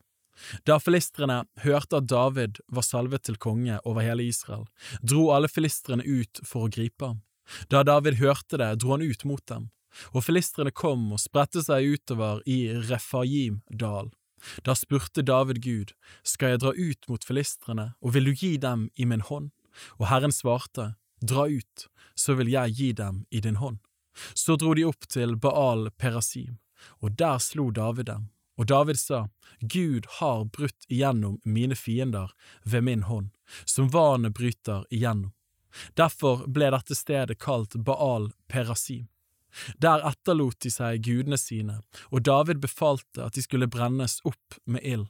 Men filistrene kom igjen og spredte seg utover i dalen. Og David spurte igjen Gud, og Gud sa til ham, Du skal ikke dra opp etter dem. Vend deg fra dem og ta en omvei, så du kommer over dem midt for bakertrærne. Når du så hører lyden av skritt i toppen av bakertrærne, da skal du dra ut i striden, for Gud har dratt ut foran deg for å slå filistrenes hær. David gjorde som Gud hadde befalt dem, og de slo filistrenes hær og forfulgte dem til Gibeon og like til Geser. Og Davids navn kom ut i alle landene, og Herren lot frykt for ham komme over alle folkene. Kapittel 15 siden bygde han seg flere hus i Davids by. Han gjorde også i stand et sted for Guds ark og reiste et telt for den. Da sa David, ingen må bære Guds ark uten levittene. For dem har Herren utvalgt til å bære Guds ark og til å tjene ham for alle tider. Så samlet David hele Israel til Jerusalem for å føre Herrens ark opp til det stedet som han hadde gjort i stand for den. Og David kalte sammen Arons barn og levittene, av Kahats barn Uriel, den øverste, og hans brødre, 120, av Meraris barn Asaya, den øverste, og hans brødre, 220, av Gershoms barn Joel, den øverste, og hans brødre, 130, av Elisafans barn Shemaya, den øverste, og hans brødre, 200, av Hebrons barn Eliel den øverste og hans brødre 80. Av Usiels barn Abinadab den øverste og hans brødre 112. Så kalte David til seg prestene Saduk og Ebiatar, og levittene Uriel, Asaya, Joel, Shemaya, Eliel og Abinadab. Han sa til dem, Dere overhoder for levittene, hellige dere, både dere og deres brødre, og før Herrens, Israels Guds ark opp til det stedet jeg har gjort i stand for den. Det var fordi dere ikke var med første gang at Herren vår Gud brøt inn iblant oss, for vi søkte ham ikke på den rette måten. Da helliget prestene og levittene seg for å føre Herrens, Israels Guds ark opp og levittene bar Guds ark på skuldrene sine ved hjelp av bærestengene, slik som Moses hadde påbudt etter Herrens ord. Så bød David de øverste blant levittene at de skulle stille sine brødre, sangerne, frem med musikkinstrumenter, harper og sitarer og symbler som de skulle spille på når de lot gledessangen tone. Da stilte levittene fram Heman, sønn av Joel, og av hans brødre Asaf, sønn av Berekja, og av deres brødre Meraris barn Etan, sønn av Kushaya. Sammen med dem stilte de deres brødre av annen rang, Zakaria, Ben og Yaziel og Shemiramot og Jehiel og Unni, Eliab og Benaya og Maseya og Maticha og Eliflehu og Mikenya og Obed Edom og Jeiel dørvokterne. Sangerne Heman, Asaf og Etan skulle slå på kobbersymbler. Zakaria og Asiel og Shemir Ramot og Jehiel og Unni og Eliab og Maseya og Benaya skulle spille på harper etter Alamot. Matitya og Eliflehu og Mikneia og Obed Edom og Jeel og Asarja skulle spille på sitarer etter Sheminit for å lede sangen. Kenanya, levittenes sangmester, underviste i sangen, for han var kyndig i det. Bereksha og Elkana var dørvoktere ved arken. Prestene Shebaina og Josjafat og Netanel og Amasai og Zakaria og Benaya og Elieser blåste i trompeter foran Guds ark, og Obed Edom og Jehia var dørvoktere ved arken.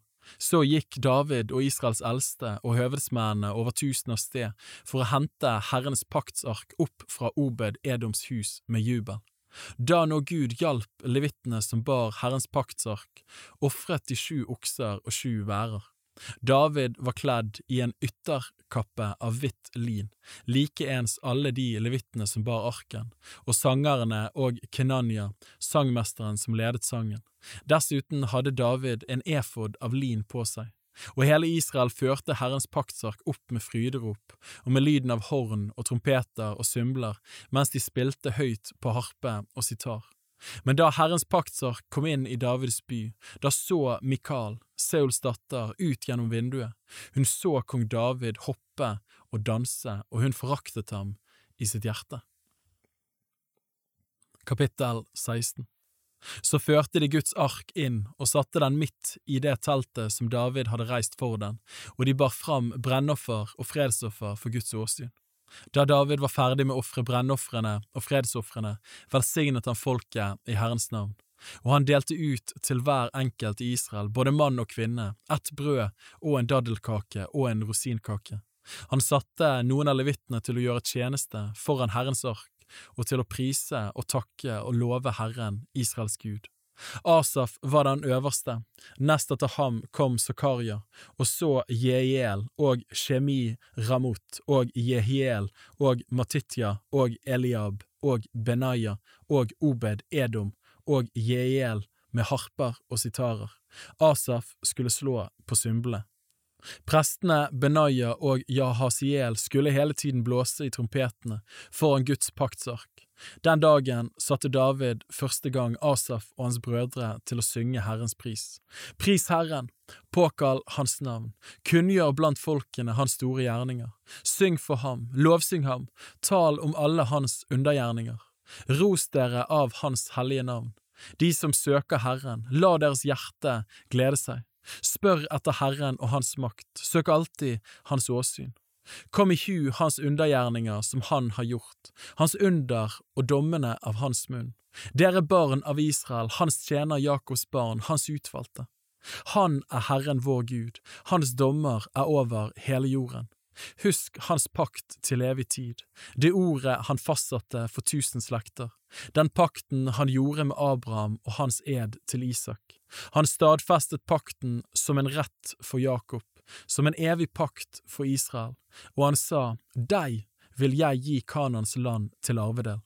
Da dere ennå var en liten flokk, få og fremmede i landet, da vandret de fra folk til folk og fra ett rike til et annet folk. Da tillot han ikke noen å gjøre vold mot dem, han straffet konger for deres skyld.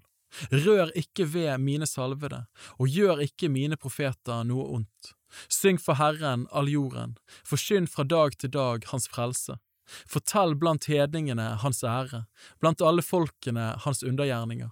For stor er Herren og høylovet, forferdelig er Han over alle guder. For alle folkenes guder er avguder, men Herren har gjort himmelen. Høyhet og herlighet er for hans åsyn, styrke og glede er på hans sted. Gi Herren, dere folkeslekter, gi Herren ære og makt. Gi Herren den ære som svarer til hans navn. Bær fram gaver og kom for hans åsyn. Tilbe Herren i hellig skrud, skjelv for hans åsyn all jorden. Verden står fast, den rokkes ikke, himmel gleder seg og jorden fryder seg, og de skal si blant hedningene, Herren regjerer. Må havet bruse og alt som fyller det, må marken fryde seg og alt som er på den. Da jubler trærne i skogen for Herrens åsyn, for han kommer for å dømme jorden. Lov Herren, for han er god, hans miskunnet varer til evig tid og si, Frels oss, du vår frelsesgud, samle oss og fri oss fra hedningene, så vi kan love ditt hellige navn og ha vår ære i å prise deg. Lovet være Herren, Israels Gud, fra evighet til evighet. Og alt folket sa amen og priste Herren. David lot så Asaf og hans brødre bli der foran Herrens paktsark, slik at de alltid kunne gjøre tjeneste foran arken, slik som det skulle gjøres dag for dag. Likeens Obed Edom og deres brødre 68. Obed Edom, sønn av Jedutun og Hosa som dørvoktere, men presten Saduk og hans brødre, prestene, lot dem bli foran Herrens tabernakel på haugen i Gibeon, for at de stadig skulle ofre Herren brennoffer på brennofferalteret morgen og kveld, og gjøre alt det som så skrevet i den lov som Herren hadde gitt Israel. Sammen med dem var Heman og Jedutun og de andre utvalgte som var nevnt ved navn, for at de skulle love Herren, for hans miskunnhet varer til evig tid. Og hos dem, hos Heman og Jedutun, var det trompeter og symbler til bruk for dem som skulle spille, og likeså andre instrumenter til sangen ved gudstjenesten, og Jedutuns sønner hadde plass ved dørene. Deretter dro alt folket hver til sitt, og David vendte hjem for å velsigne sitt hus. Kapittel 17 en dag David satt i sitt hus, sa han til profeten Natan, Se, jeg bor i et hus av sedertre, mens Herrens paktsark bor under teltduk. Natan sa til David, Gjør du alt det du har i sinne, for Gud er med deg. Men samme natt kom Guds ord til Natan, og det lød slik, Gå og si til min tjener David, så sier Herren, Du skal ikke bygge det huset jeg skal bo i. Jeg har jo ikke bodd i hus fra den dagen jeg førte Israel opp og til denne dag, men jeg har vandret fra telt til telt og fra tabernakel til tabernakel. Hvor jeg så vandret om i hele Israel, har jeg vel noen gang talt slikt til noen av Israels dommere, som jeg satte til å vokte mitt folk. Hvorfor har dere ikke bygd et hus av sedertre for meg?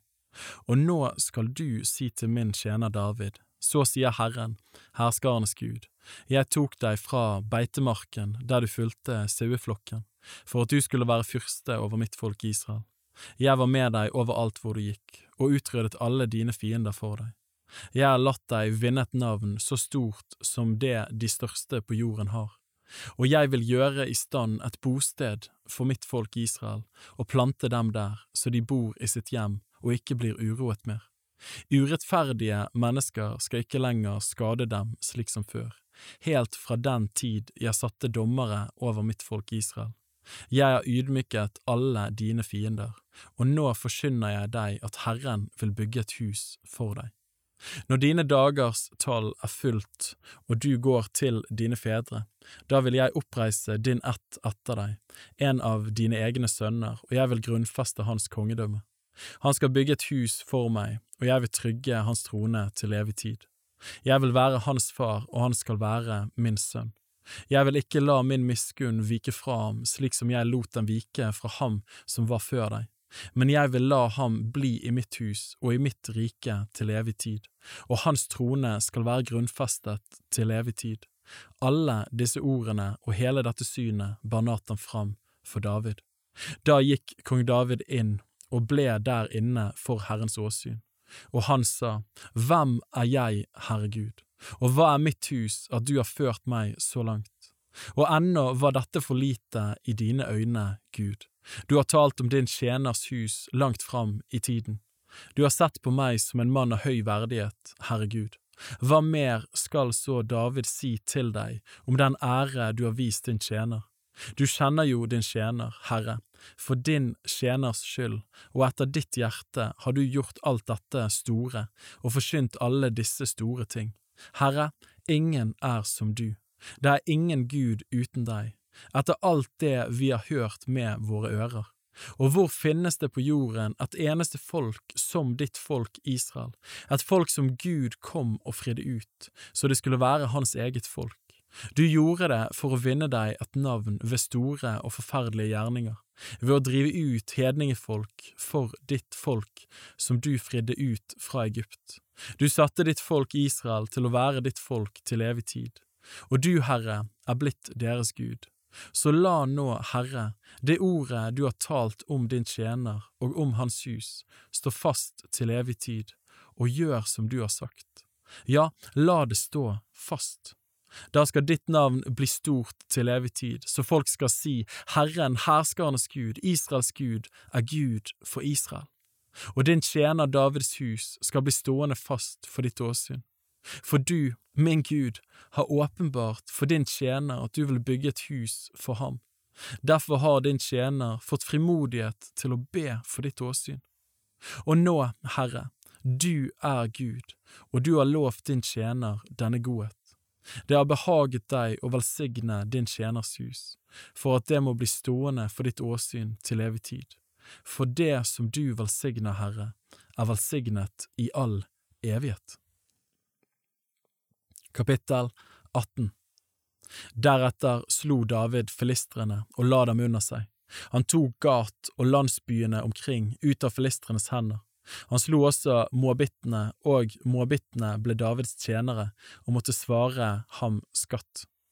Likeså slo David kongen i Soba, Hadareser, ved Hamat, da han dro ut for å vinne herredømme ved Fratelven. David tok fra ham tusen vognhester og sju tusen hestfolk og 20 000 mann fotfolk. David lot skjære fotseende over på alle vognhestene, bare hundre vognhester sparte han. Syrerne fra Damaskus kom for å hjelpe Hadareser, kongen i Soba, men David slo 22 000 mann av dem. Og David la krigsmannskap i det syriske Damaskusriket, og syrerne ble Davids tjenere og måtte betale ham skatt. Slik hjalp Herren David overalt hvor han dro fram. David tok de gullskjålene som Hadaresers tjenere hadde båret, og førte dem til Jerusalem. Fra Hadaresers byer Tibhat og Kun tok David en stor mengde kobber. Av det laget Salomo kobberhavet og søyle og kobberkarene. Da kongen i Hamat, 2U, hørte at David hadde slått hele hæren til Hadareser, kongen i Soba, sendte han sin sønn Hadoram til kong David for å hilse på ham og ønske ham til lykke fordi han hadde kjempet mot Hadareser og slått ham. For Hadareser hadde stadig ført krig mot 2U. Hadoram hadde med seg alle slags gullkar og sølvkar og kobberkar. Også disse innviet kong David til Herren, sammen med sølv og gull som han hadde tatt fra alle folkene, fra Edom og fra Moab og fra Ammons barn, og fra filistrene og fra amalakittene. Det var Absai, Serujas sønn, som slo edomittene i Saltdal, 18 000 mann. Så la David vaktmannskap i Edom, og alle edomittene ble Davids tjenere. Slik hjalp Herren David overalt hvor han dro fram. Så regjerte nå David over hele Israel, og han gjorde rett og rettferdighet mot hele sitt folk. Joab, Serujas sønn, var høvding over hæren. Jushafat, Akiluds sønn, var historieskriver. Sadok, Akitubs sønn, og Abimelek, Ebiatars sønn, var prester, og Shavasha var statsskriver. Benaya, Jojadas sønn, var høvding over livvakten, og Davids sønner var de fremste ved kongens side. Kapittel 19 Så hendte det at Nahas, Ammons barns konge, døde, og sønnen hans ble konge i hans sted. Da sa David, Jeg vil vise Hanun, Nahas sønn, vennskap, for hans far viste meg vennskap, og David sendte bud for å trøste ham i sorgen over faren. Så kom da Davids tjenere til Ammons barns land, til Hanun for å trøste ham. Men høvdingene over Ammons barn sa da til Hanun, Tror du det er for å ære din far at David har sendt folk som skal trøste deg? Er ikke hans tjenere heller kommet til deg for å gjøre seg kjent i landet, og for å ødelegge og speide i det? Da tok Hanun Davids tjenere og lot dem rake, og han skar av dem halvdel av klærne, like til setet, og lot dem så fare. Noen kom til David og meldte det som hadde hendt mennene hans. Da sendte han folk som skulle møte dem, for de var grovt vanæret, og kongen lot si, Bli i Jeriko til skjegget er vokst ut igjen, og så kan dere komme hjem. Da når Ammons barn så at de hadde gjort seg forhatt hos David, sendte Hanun og Ammons barn tusen talenter sølv for å leie seg vogner og hestfolk fra Mesopotamia og fra syrerne i Maaka og fra Soba. Så leide de da 32 000 vogner og kongen i Maaka og hans folk. De kom og slo leir foran Medba. Men også Ammons barn samlet seg fra sine byer og dro ut til strid. Da David hørte dette, sendte han Joab av sted med alle krigsvante menn i hæren, og Ammons barn rykket ut og stilte seg i fylking foran inngangen til byen. Men de kongene som var kommet dit, sto for seg selv ute på marken. Da Joab så at han hadde fienden mot seg både foran og bak, valgte han ut en del av det beste mannskapet i Israel og stilte dem opp mot syrerne. Resten av folket overlot han til sin bror Absai, og de stilte seg i fylking mot Ammons barn. Og han sa, dersom syrerne blir for sterke for meg, skal du komme meg til hjelp, og dersom Ammons barn blir for sterke for deg, da skal jeg hjelpe deg. Vær modig. La oss vise oss modige for folket vårt og for vår Guds byer, så får Herren gjøre det som er godt i hans øyne. Så rykket Joab fram med folkene sine til strid mot syrerne, og de flyktet for ham. Da Ammons barn så at syrerne flyktet, så flyktet også de for hans bror Absai og dro seg inn i byen. Da dro Joab tilbake til Jerusalem. Da syrerne så at de var blitt slått av Israel, sendte de bud at de syrerne som bodde på den andre siden av elven, skulle dra ut. Og Shofak, høvdingen over Hadaresers hær, var føreren deres. Da David fikk melding om dette, samlet han hele Israel og gikk over Jordan. Da han kom fram til dem, stilte han seg opp mot dem. Han fylket hæren sin mot syrerne, og de kjempet mot ham. Men syrerne flyktet for Israel. Og David drepte blant syrerne mannskapet på 7000 vogner og 40 000 mann fotfolk. Også hærføreren Shofak drepte han. Da Hadaresers menn så at de var blitt slått av Israel, gjorde de fred med David og ble hans tjenere, og syrerne ville ikke hjelpe Ammons barn lenger. Kapittel 20 Året etter på den tiden når kongene pleier å dra ut i krig, tok Joab av sted med krigshæren og herjet Ammons barns land. Da han kom til Rabba, beleiret han det, men David ble i Jerusalem. Og Joab tok Rabba og ødela byen, og David tok kronen fra hodet til kongen deres. Det viste seg at den veide én talent gull, og det var en kostbar edelstein i den. Nå kom den på Davids hode, og det store hærfanget han hadde tatt i byen, førte han bort med seg. Folket som bodde der, førte han ut og skar dem over med sager og jernhakker og økser. Slik gjorde David med alle byene hos Ammons barn. Deretter vendte David og alt folket tilbake til Jerusalem. Siden kom det til et slag med filistrene ved Geser. Husatitten Sibekai felte da Sipai, som hørte til Rafaetten, og de ble underkuet. Så kom det igjen til strid med filistrene. Elhanan, Jaurs sønn, slo Lahami, en bror av gittitten Goliat. Han hadde et spyd med et skaft som en veverstang. Enda en gang kom det til strid ved Gat. Der var en høyvoksen mann som hadde seks fingre på hver hånd og seks tær på hver fot. I alt 24 fingre og tær. Han var også en etterkommer av Rafa. Han hånet Israel, men Jonathan, sønn av Davids bror Shimea, hogg ham ned. Disse var etterkommere av Rafa i Gat, og de falt for David og hans menns hånd. Kapittel 21 Men Satan sto opp mot Israel og egget David til å telle Israel.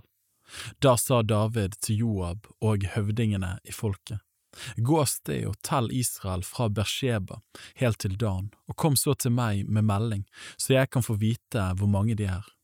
Da sa Joab, måtte Herren legge hundre ganger så mange til sitt folk som de er nå. Herre konge, er de ikke min herres tjenere alle sammen? Hvorfor krever min herre dette?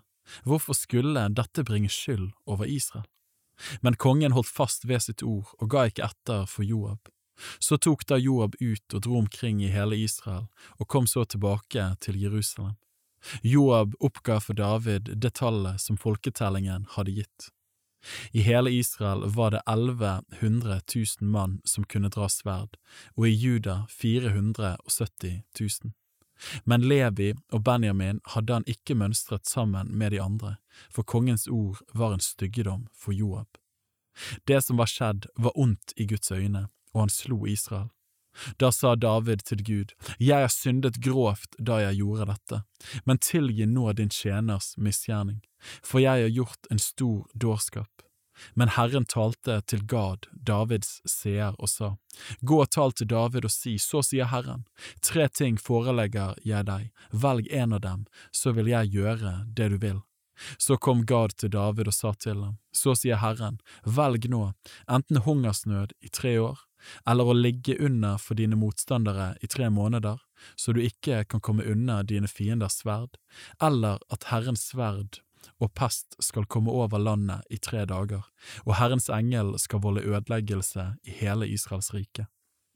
Tenk nå etter hva jeg skal svare ham som har sendt meg. David sa til Gad, Jeg er i stor nød, men la meg helst falle i Herrens hånd, for hans barmhjertighet er stor, men i menneskers hånd vil jeg nødig falle. Så lot Herren det komme en pest i Israel, og det falt 70 000 mann av Israel. Og Gud sendte en engel til Jerusalem for å ødelegge byen. Men da han holdt på med å ødelegge, så Herren det, og han angret det onde og sa til engel som gjorde ødeleggelsen, det er nok, dra nå din hånd tilbake. Herrens engel sto da ved jebusitten Ornans treskeplass. David løftet blikket, og da fikk han se Herrens engel, som sto mellom jorden og himmelen med et løftet sverd i hånden, og det var rakt ut mot Jerusalem. Da falt David og de eldste ned på sitt ansikt, kledd i sekk. Og David sa til Gud, var det ikke jeg som bød at folket skulle telles, det er jeg som har syndet og gjort ille, men denne min jord, hva har de gjort? Herre min Gud, la heller din hånd komme over meg og over min fars hus, men la ikke pesten ligge over ditt folk. Da sa Herrens engel til Gad, at han skulle be David gå opp og reise et alter for Herren på jebusitten Ornans treskeplass. Så gikk David dit opp slik som Gad hadde sagt i Herrens navn. Da nå Ornan vendte seg om, fikk han se engel, og hans fire sønner som var med ham, gjemte seg. Ornan holdt nettopp på med å treske hvete. Da David kom til Ornan, så Ornan ut og fikk se David. Så gikk han ut av treskeplassen og kastet seg ned for David med ansiktet mot jorden. Og David sa til Ornan, La meg få det stedet hvor du har treskeplassen din, så jeg kan bygge et alter for Herren der. La meg få det for full pris, slik at pesten kan bli tatt bort fra folket. Da sa Ornan til David, Bare ta det, Min herre, kongen, må gjøre som han finner for godt. Her gir jeg deg oksene til brennofrene og treskesledene til ved og hveten til matofferet, alt sammen gir jeg som gave. Men kong David svarte, nei, jeg vil kjøpe det for full pris, jeg vil ikke ta det som er ditt og gi det til Herren, og jeg vil ikke ofre brennoffer som jeg har fått for intet. Så ga David til Ornan 600 sekel gull etter vekt for stedet, og David bygde et alter for Herren der og ofret brennoffer og fredsoffer. Og han ropte til Herren, og han svarte ham med ild fra himmelen på brennofferalteret. Og Herren befalte engelen å stikke sverdet i sliren. Da David så at Herren hadde bønnhørt ham på jebusitten Ornans treskeplass, så ofret han der. På den tiden sto Herrens tabernakel, som Moses fikk laget i ørkenen, og brennofferalteret på haugen i Gibeon. Men David torde ikke gå dit for å søke Gud, så skremt var han av sverdet til Herrens engel. Kapittel 22 Og David sa, Her skal Herren Guds hus stå, og her skal alteret for Israels brennoffer være. David befalte at de fremmede som bodde i Israels land, skulle kalles sammen, og han satte steinhoggere til å hogge til steinene som Guds hus skulle bygges av. David samlet en mengde jern til nagler i portdørene og til kramper, og så mye kobber at det ikke kunne veies. Han samlet så mye sedertre at det ikke var tall på det, for sidonierne og tyrierne førte en mengde sedertre til David. For David tenkte, min sønn Salomo er ung og veik, og huset som skal bygges for Herren, må gjøres så stort at det kan være til pris og ære for ham i alle land. Derfor vil jeg legge til rette for ham. Og David gjorde store forberedelser før sin død, og han kalte sin sønn Salmo til seg og bød ham bygge et hus for Herren Israels Gud. David sa til sin sønn Salomo, Jeg hadde i sinne å bygge et hus for Herrens, min Guds navn, men Herrens ord kom til meg, og det lød så, Du har utøst mye blod og ført store kriger. Du skal ikke bygge et hus for mitt navn, for du har utøst mye blod på jorden for mitt åsyn. Men du skal få en sønn, han skal være en fredens mann, og jeg vil la ham få fred for alle sine fiender rundt omkring. Salomo skal være hans navn, og jeg vil la Israel ha fred og ro i hans dager. Han skal bygge et hus for mitt navn. Han skal være min sønn, og jeg skal være hans far. Jeg skal trygge hans kongetrone over Israel for all tid. Må så Herren nå være med deg, min sønn, måtte du ha lykken med deg og få bygge Herrens din Guds hus, slik som Han har sagt om deg. Bare Herren vil gi deg visdom og forstand når Han setter deg over Israel, og bare du vil holde Herrens din Guds lov. Da skal du ha lykke med deg når du akter vel på å gjøre etter de bud og lover som Herren befalte Moses å gi til Israel. Vær frimodig og sterk, frykt ikke, og vær ikke redd. Her har jeg med mye strev skaffet til veie hundre tusen talenter gull og tusen ganger tusen talenter sølv til Herrens hus, og dessuten mer kobber og jern enn det kan veies, så mye er det. Tre og stein har jeg samlet, og mer kan du selv legge til. Arbeidsfolk har du også i stort antall, steinhoggere og murere og tømmermenn, dessuten alle slags folk som er kyndige i alle andre slags arbeid. Av gull, sølv, kobber og jern er det så mye at det ikke er tall på det, så ta da fatt på verket, og Herren være med deg. Og David befalte alle Israels høvdinger å hjelpe Salomo, hans sønn. Han sa, Herren deres Gud er jo med dere og har gitt dere ro på alle kanter. For han har gitt landets innbyggere i min hånd, og landet er lagt under Herren og hans folk. Vend nå hjerte og sjel til å søke Herren deres Gud, og gjør dere ferdig til å bygge Gud, Herrens helligdom, så dere kan føre Herrens paktsark og Guds hellige kar inn i det huset som skal bygges for Herrens navn. Kapittel 23 Da David var blitt gammel og mett av dager, gjorde han sin sønn Salomo til konge over Israel. Han samlet alle Israels høvdinger og prestene og levittene, og levittene ble talt fra 30-årsalderen og oppover. Tallet på dem, én for én, alle som var av mannskjønn, var 38 000. David sa, av disse skal 24 000 lede arbeidet på Herrens hus. 6000 skal være tilsynsmenn og dommere, 4000 skal være dørvoktere, 4000 skal lovsynge Herren til de instrumentene jeg har laget til lovsangen. David delte dem i skift etter Levis sønner, Gershon, Kahat og Merari. Til gersjonittene hørte Ladan og Shimei. Ladans sønner var Jehiel, overhodet, og så Setam og Joel, tre i tallet. Shimeis sønner var Sjelomot og Hasiel og Haran, tre i tallet. Dette var overhodene for Ladans familier. Og Shimeis sønner var Jahat og Shisha og Jehush og Beria. Dette var Shimeis sønner, fire i tallet. Jahat var overhodet, og så kom Shisha, Jeush og Beria, hadde ikke mange sønner, og de utgjorde derfor bare én familie, én tjenestegruppe.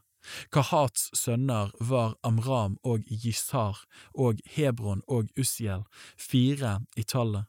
Amrams sønner var Aron og Moses. Aron ble utskilt for å hellige de helligste ting, slik at både han og sønnene hans gjennom alle tider skulle brenne røkelse for Herren og tjene ham og velsigne i hans navn til evig tid. Men sønnene til Guds mann Moses regnes til Levis stamme. Moses' sønner var Gershom og Elieser. Av Gershoms sønner var Shebuel overhodet. Av Eliesers barn var Rehabia overhodet. Elieser hadde ikke andre sønner, men Rehabias sønner var overmåte tallrike. Av Jishars sønner var Shelomit overhode. Av Hebrons sønner var Jeria overhode. Så kom Amarja. Ja, Hasiel var den tredje, og Jekamam den fjerde. Av Ussiels sønner var Mika overhode, og så kom Jeshia. Meraris sønner var Mahli og Mushi. Mahalis sønner var Elieser og Kis. Da Elieser døde, var det ingen sønner etter ham, men bare døtre. Deres slektninger, Kis sønner, tok dem til ekte. Mushis sønner var Mahali og Eder og Jeremot, tre i tallet. Dette var Levis sønner etter sine familier, overhodene for familiene, så mange av dem som ble mønstret etter sine navn én for én, de som gjorde arbeidet ved tjenesten i Guds hus, fra tjueårsalderen og oppover. For David sa, Herren, Israels Gud, har gitt sitt folk ro og har nå sin bolig i Jerusalem til evig tid. Derfor trenger heller ikke levittene lenger å bære tabernaklet og alle redskapene til gudstjenesten. For det var etter Davids siste ord at Levis barn ble talt fra tjueårsalderen og oppover. Oppgaven deres skulle være å hjelpe Arons sønner med tjenesten i Herrens hus. De skulle ha tilsyn med forgårdene og kamrene og sørge for rengjøringen av alt det hellige og utføre arbeidet ved tjenesten i Guds hus, både med skuebrødene og det fine melet til matofferet, og med de usyrede brødleivene, og med hælene til å bake på, og med melet som skulle knas, og med alle hulmål og lengdemål. Hver morgen skulle de stå og love og prise Herren, likeså hver kveld. De skulle hjelpe til ved hver ofring av brennoffer til Herren på sabbatene, på nymånedagene og på høytidene, så mange som det var fastsatt, og slik som det var foreskrevet for dem, all tid for Herrens åsyn. Slik skulle de da ta vare på det som var å gjøre ved sammenkomstens telt, og det som var å gjøre ved helligdommen og de skulle hjelpe sine brødre, Arons sønner, ved tjenesten i Herrens hus. Kapittel 24 Dette er de skiftene som Arons sønner var inndelt i.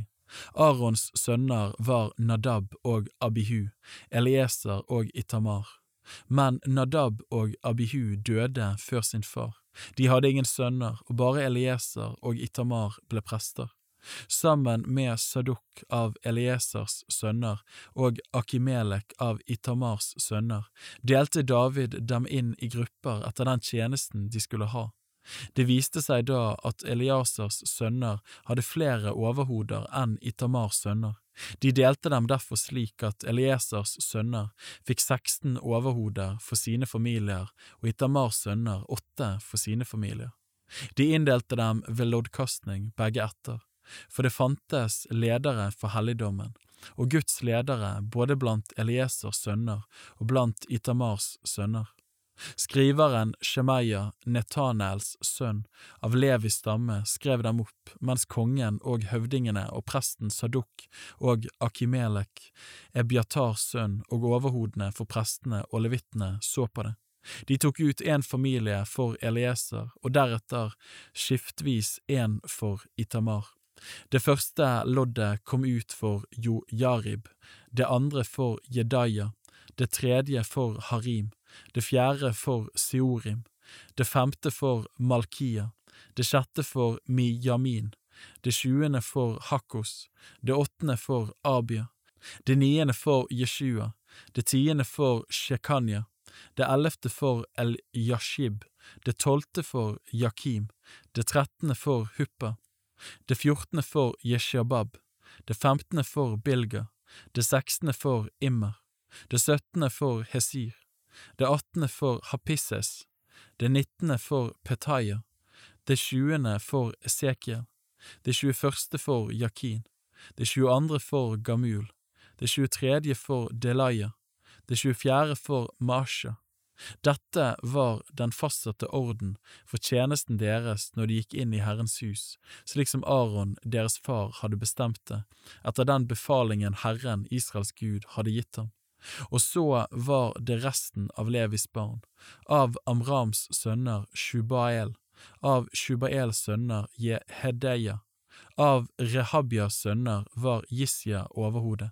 Til Jisharittene hørte Shelomot. Til Shelomots sønner Jahat. Hebrons sønner var først Jeria, dernest hans annen sønn Amarja, den tredje sønnen Jahasiel, den fjerde sønnen Jekamam. Ussiels sønn var Mika, til Mikas sønner hørte Shamur. Jisja var Mikas bror, til Jisjas sønner hørte Zakaria. Meraris sønner var Mahali og Mushi, sønner av hans sønn Jaasia. Meraris sønner gjennom hans sønn Jaasia var også Shoham og Sakur og Ibri.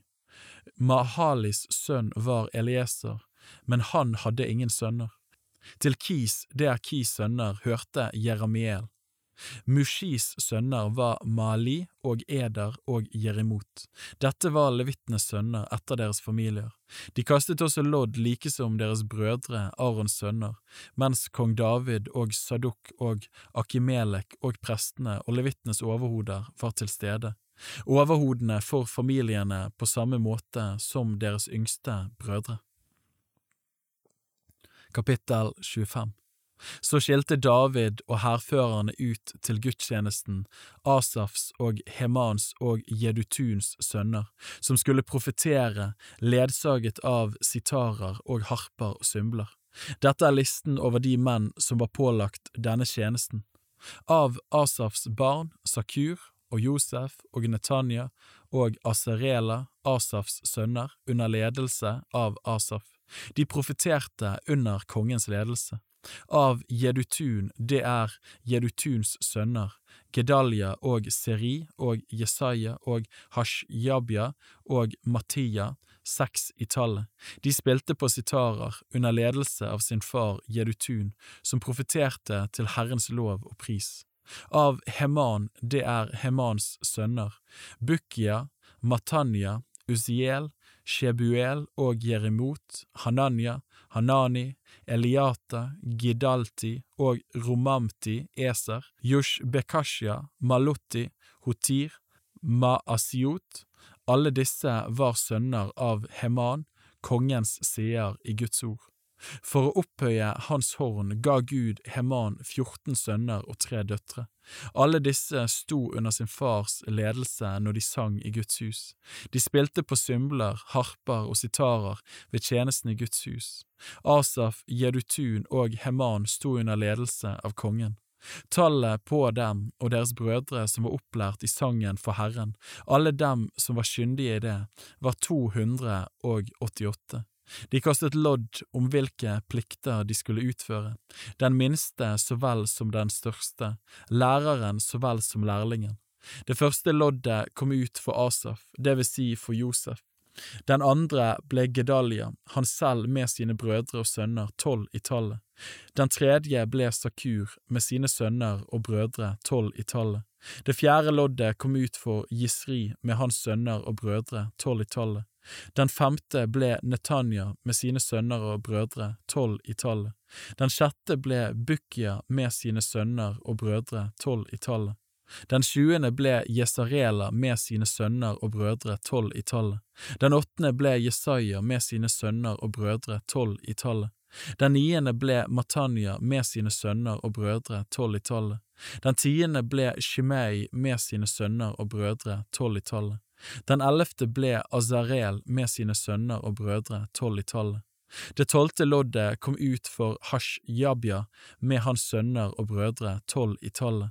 Den trettende ble Shubael med sine sønner og brødre, tolv i tallet. Den fjortende ble Matitya med sine sønner og brødre, tolv i tallet. Det femtende loddet kom ut for Jeremot med hans sønner og brødre, tolv i tallet. Det sekstende for Hananya med hans sønner og brødre, tolv i tallet. Det syttende for Yushbekyasha med hans sønner og brødre, tolv i tallet. Det attende for Hanani med hans sønner og brødre, tolv i tallet. Det nittende for Maluti med hans sønner og brødre, tolv i tallet. Det tjuende for Eliata med hans sønner og brødre, tolv i tallet.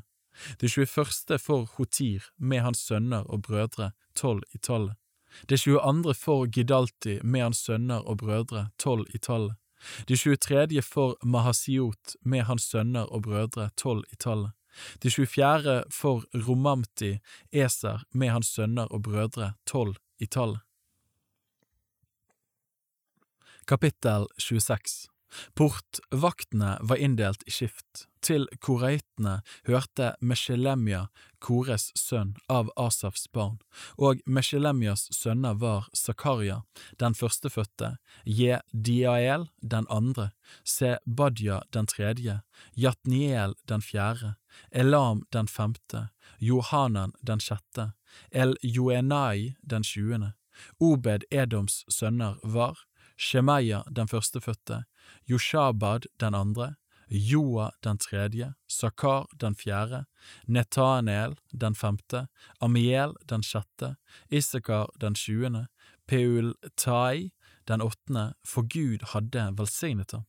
Hans sønn Shemaya fikk også sønner som ble ledere i sin ett, for de var dyktige menn. Shemayas sønner var Otni og Refael og Obed, El-Sabad og hans brødre, dyktige menn, Elihu og Semakya. Alle disse var etterkommere av Obed Edom, både de og deres sønner og brødre, dyktige og sterke menn til tjenesten, i alt 62 etterkommere av Obed Edom. Meshelemja hadde også sønner og brødre, dyktige menn, i alt 18. Til Meraris barn hørte Hosa, og hans sønner var Simri, overhode. Han var ikke den førstefødte, men faren satte ham likevel til å være overhode. Hilkia den andre, Tebalja den tredje, Zakaria den fjerde. Hosas sønner og brødre var i alt 13. Disse dørvaktskiftene, det vil si deres overhoder, hadde plikt til å gjøre vakttjeneste i Herrens hus sammen med sine brødre. De kastet lodd om hver port, den minste som den største, etter sine familier.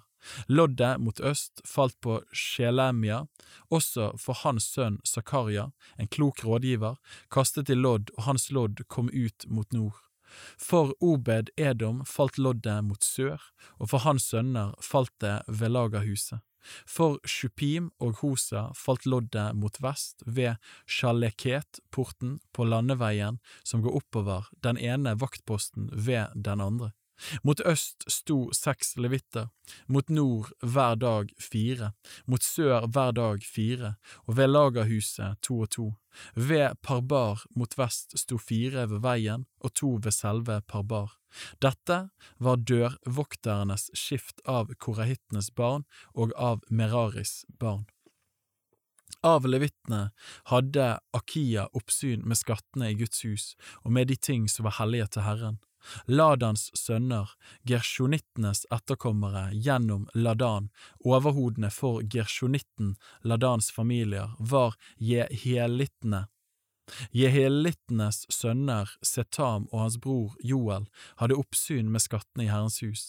Andre var amramittene, jisharittene, hebronittene, osielittene.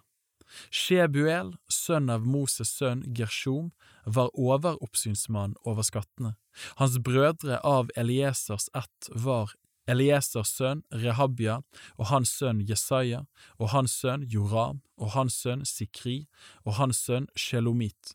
Denne Sjelomot og hans brødre hadde oppsyn med alle de ting som var hellige til Herren, det som kong David og overhodene blant høvedsmennene, over tusen og over hundre, og hærførerne hadde hellighet.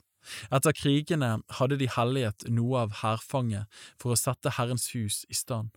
Alt det seeren Samuel og Saul, Kis sønn, og Abner, Ners sønn, og Joab, Serujas sønn, hadde hellighet, og alle de andre ting som var hellighet, var under oppsyn av Sjelomot og hans brødre. Blant gisarittene var Kenanya og hans sønner satt til å ta seg av de verdslige gjøremål i Israel som tilsynsmenn og dommere. Blant hebronittene var Hashjabya og hans brødre dyktige menn, 1700 i tallet, satt over Israel i landet på vestsiden av Jordan. De hadde tilsyn med alt som hadde med Herrens gjerning og kongens tjeneste å gjøre. Til hebronittene hørte Jeria, overhodet for hebronittene, etter deres etter og familier. I det førtiende år av Davids regjering ble det foretatt undersøkelse blant dem, og dyktige krigsmenn ble funnet i Jaser i Gilead. Hans brødre, dyktige menn, var 2700, som alle var familieoverhoder. Dem satte kong David over rubenittene og gadittene og den halve Manasses stamme i alle Guds og kongens saker. Kapittel 27 dette er en oppregning av Israels barn med deres slekters overhoder, og med høvedsmennene over tusen og over hundre og deres tilsynsmenn, de som tjente kongen i alt som hadde med herreavdelingene å gjøre. Disse herreavdelingene tiltrådte og fratrådte i skift hver måned gjennom hele året, og hver avdeling var på 24 000 mann. Over den første herreavdelingen, den som gjorde tjeneste i den første måneden, sto Yashubam, Sabdiels sønn, og til hans avdeling hørte 24 000 mann. Han var en av Peres etterkommere, den øverste av alle hærførerne som gjorde tjeneste i den første måneden. Over den herreavdelingen som gjorde tjeneste i den andre måneden, sto Ahohitten Dodai, ved hans avdeling var høvdingen Miklot, og til hans avdeling hørte 24 000 mann. Den tredje hærføreren, han som gjorde tjeneste i den tredje måneden, var Benaya, presten Jojadas sønn.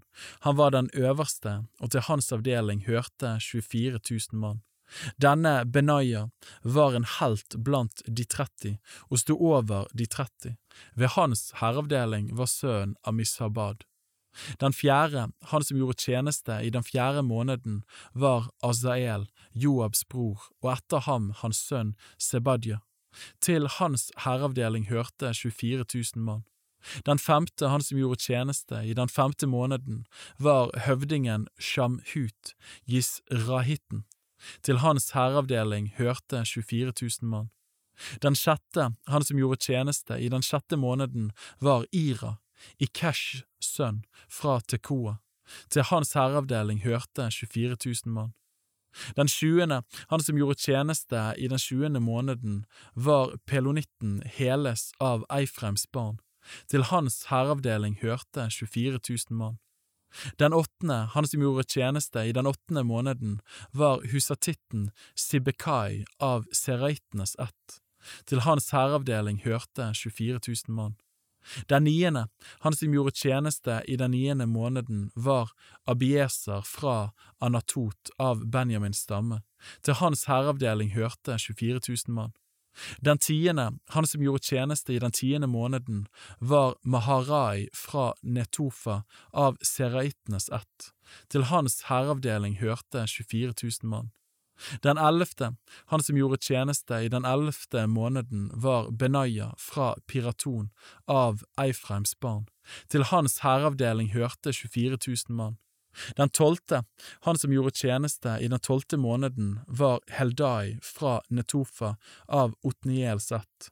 Til hans hæravdeling hørte 24 000 mann. Høvdingene over Israels stammer var for rubenittene Elieser, Sikris sønn, for simeonittene Sefatya, Maakas sønn, for Levi Hashjabya, Kemuels sønn, for Arons ett Saduk, for Juda Elihu, en av Davids brødre, for Isakar Omri, Mikaels sønn, for Sebulon Yishmaya, Obadias sønn, for Naftali Jerimot, Azriels sønn, for Eifrems barn Hosea, Asarias sønn, for den halve Manasses stamme Joel, Pedayas sønn, for den halve Manasses stamme i Gilead, Jiddo, Zakarias sønn, for Benjamin Yaziel, Abners sønn, for Dan Azarel, Jeroams sønn, dette var høvdingene for Israels stammer. David tok ikke tallet på dem som var 20 år eller yngre, for Herren hadde sagt at han ville gjøre Israel tallrikt som himmels stjerner. Joab, Serujas sønn, begynte å telle, men fullførte det ikke, og Guds vrede kom over Israel for dette, og tallet ble ikke oppført i manntallet i kong Davids krønike. Oppsynet over kongens skattkamre hadde Asmavet Adiels sønn. Over forrådshusene i byene og landsbyene og i festningstårnene hadde Jonathan, Ussias sønn, oppsyn. Oppsynet over dem som arbeidet på marken og dyrket jorden, hadde Esri, Kelubs sønn.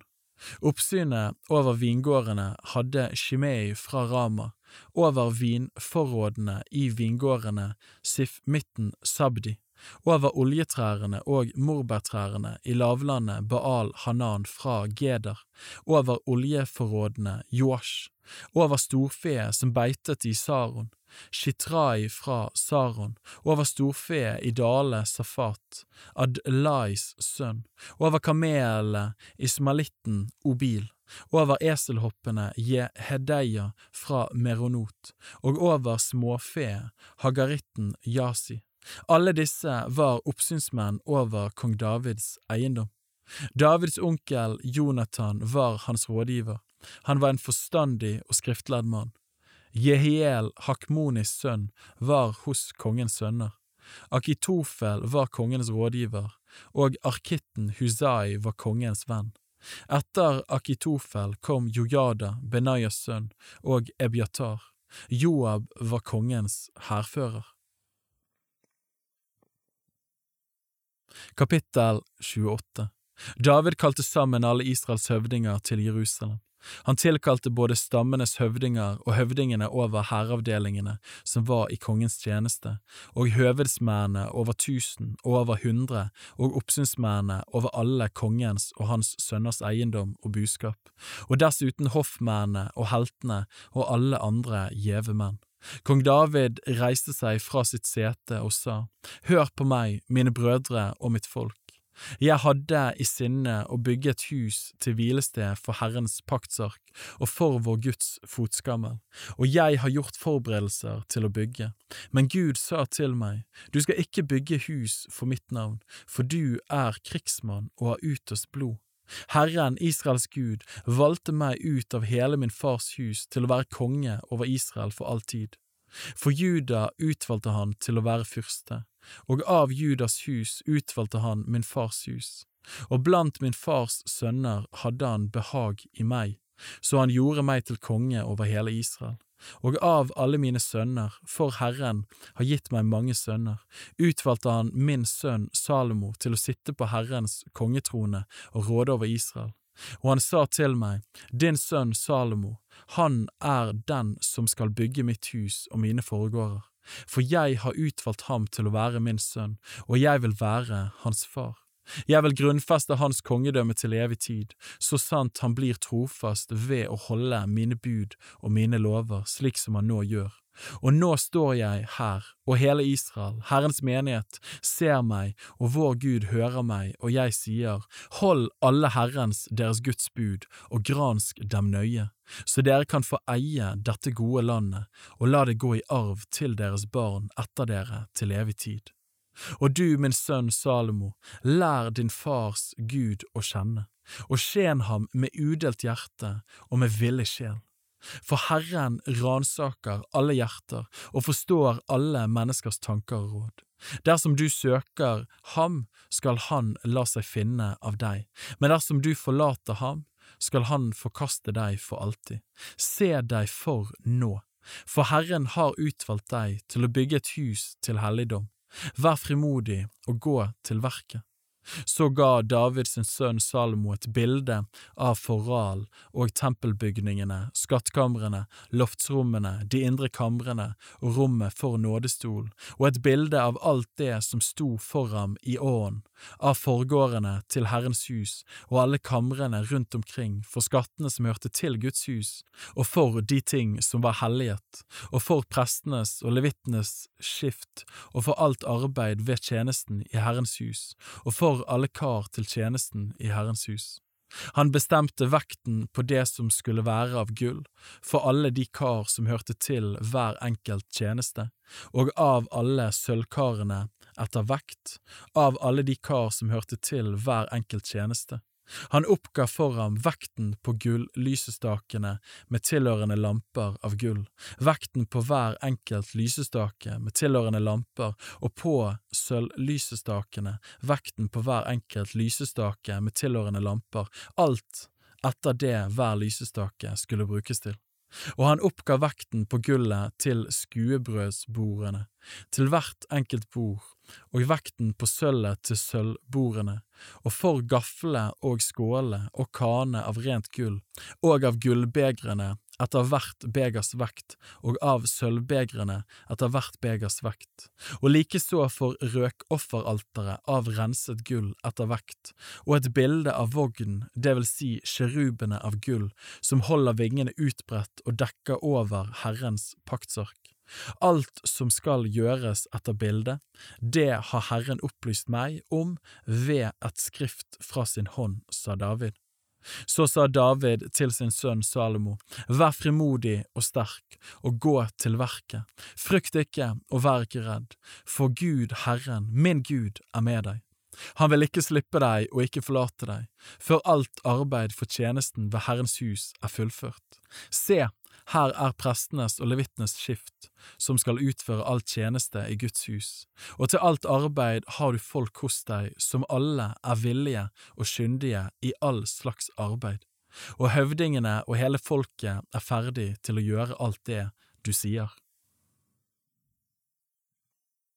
Kapittel 29 Deretter sa kong David til alle dem som var kommet sammen, Salomo, min sønn, den eneste som Gud har utvalgt, er ung og veik, og arbeidet er stort.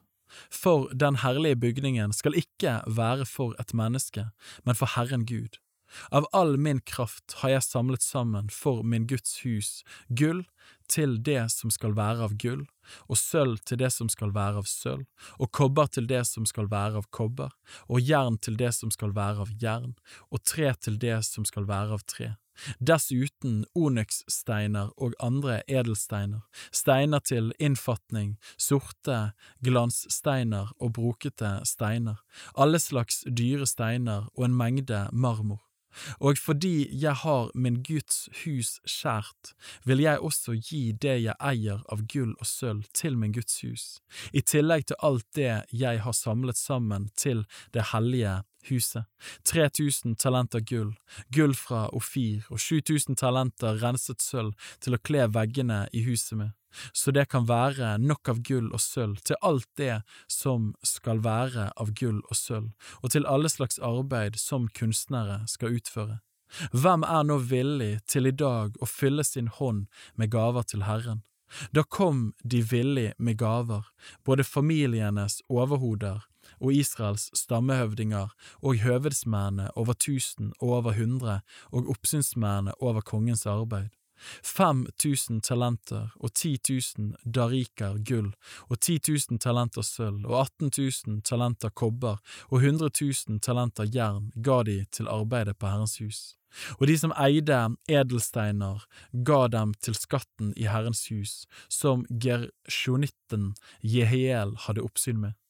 Og folket gledet seg over at de ga så villig, for med udelt hjerte ofret de villig sine gaver til Herren. Også kong David gledet seg meget, og David priste Herren mens hele forsamlingen var vitne til det, og han sa, Lovet være du, Herre, vår Far Israels Gud, fra evighet og til evighet. Herre, din er storheten og makten og æren og herligheten og høyheten, ja, alt i himmelen og på jorden.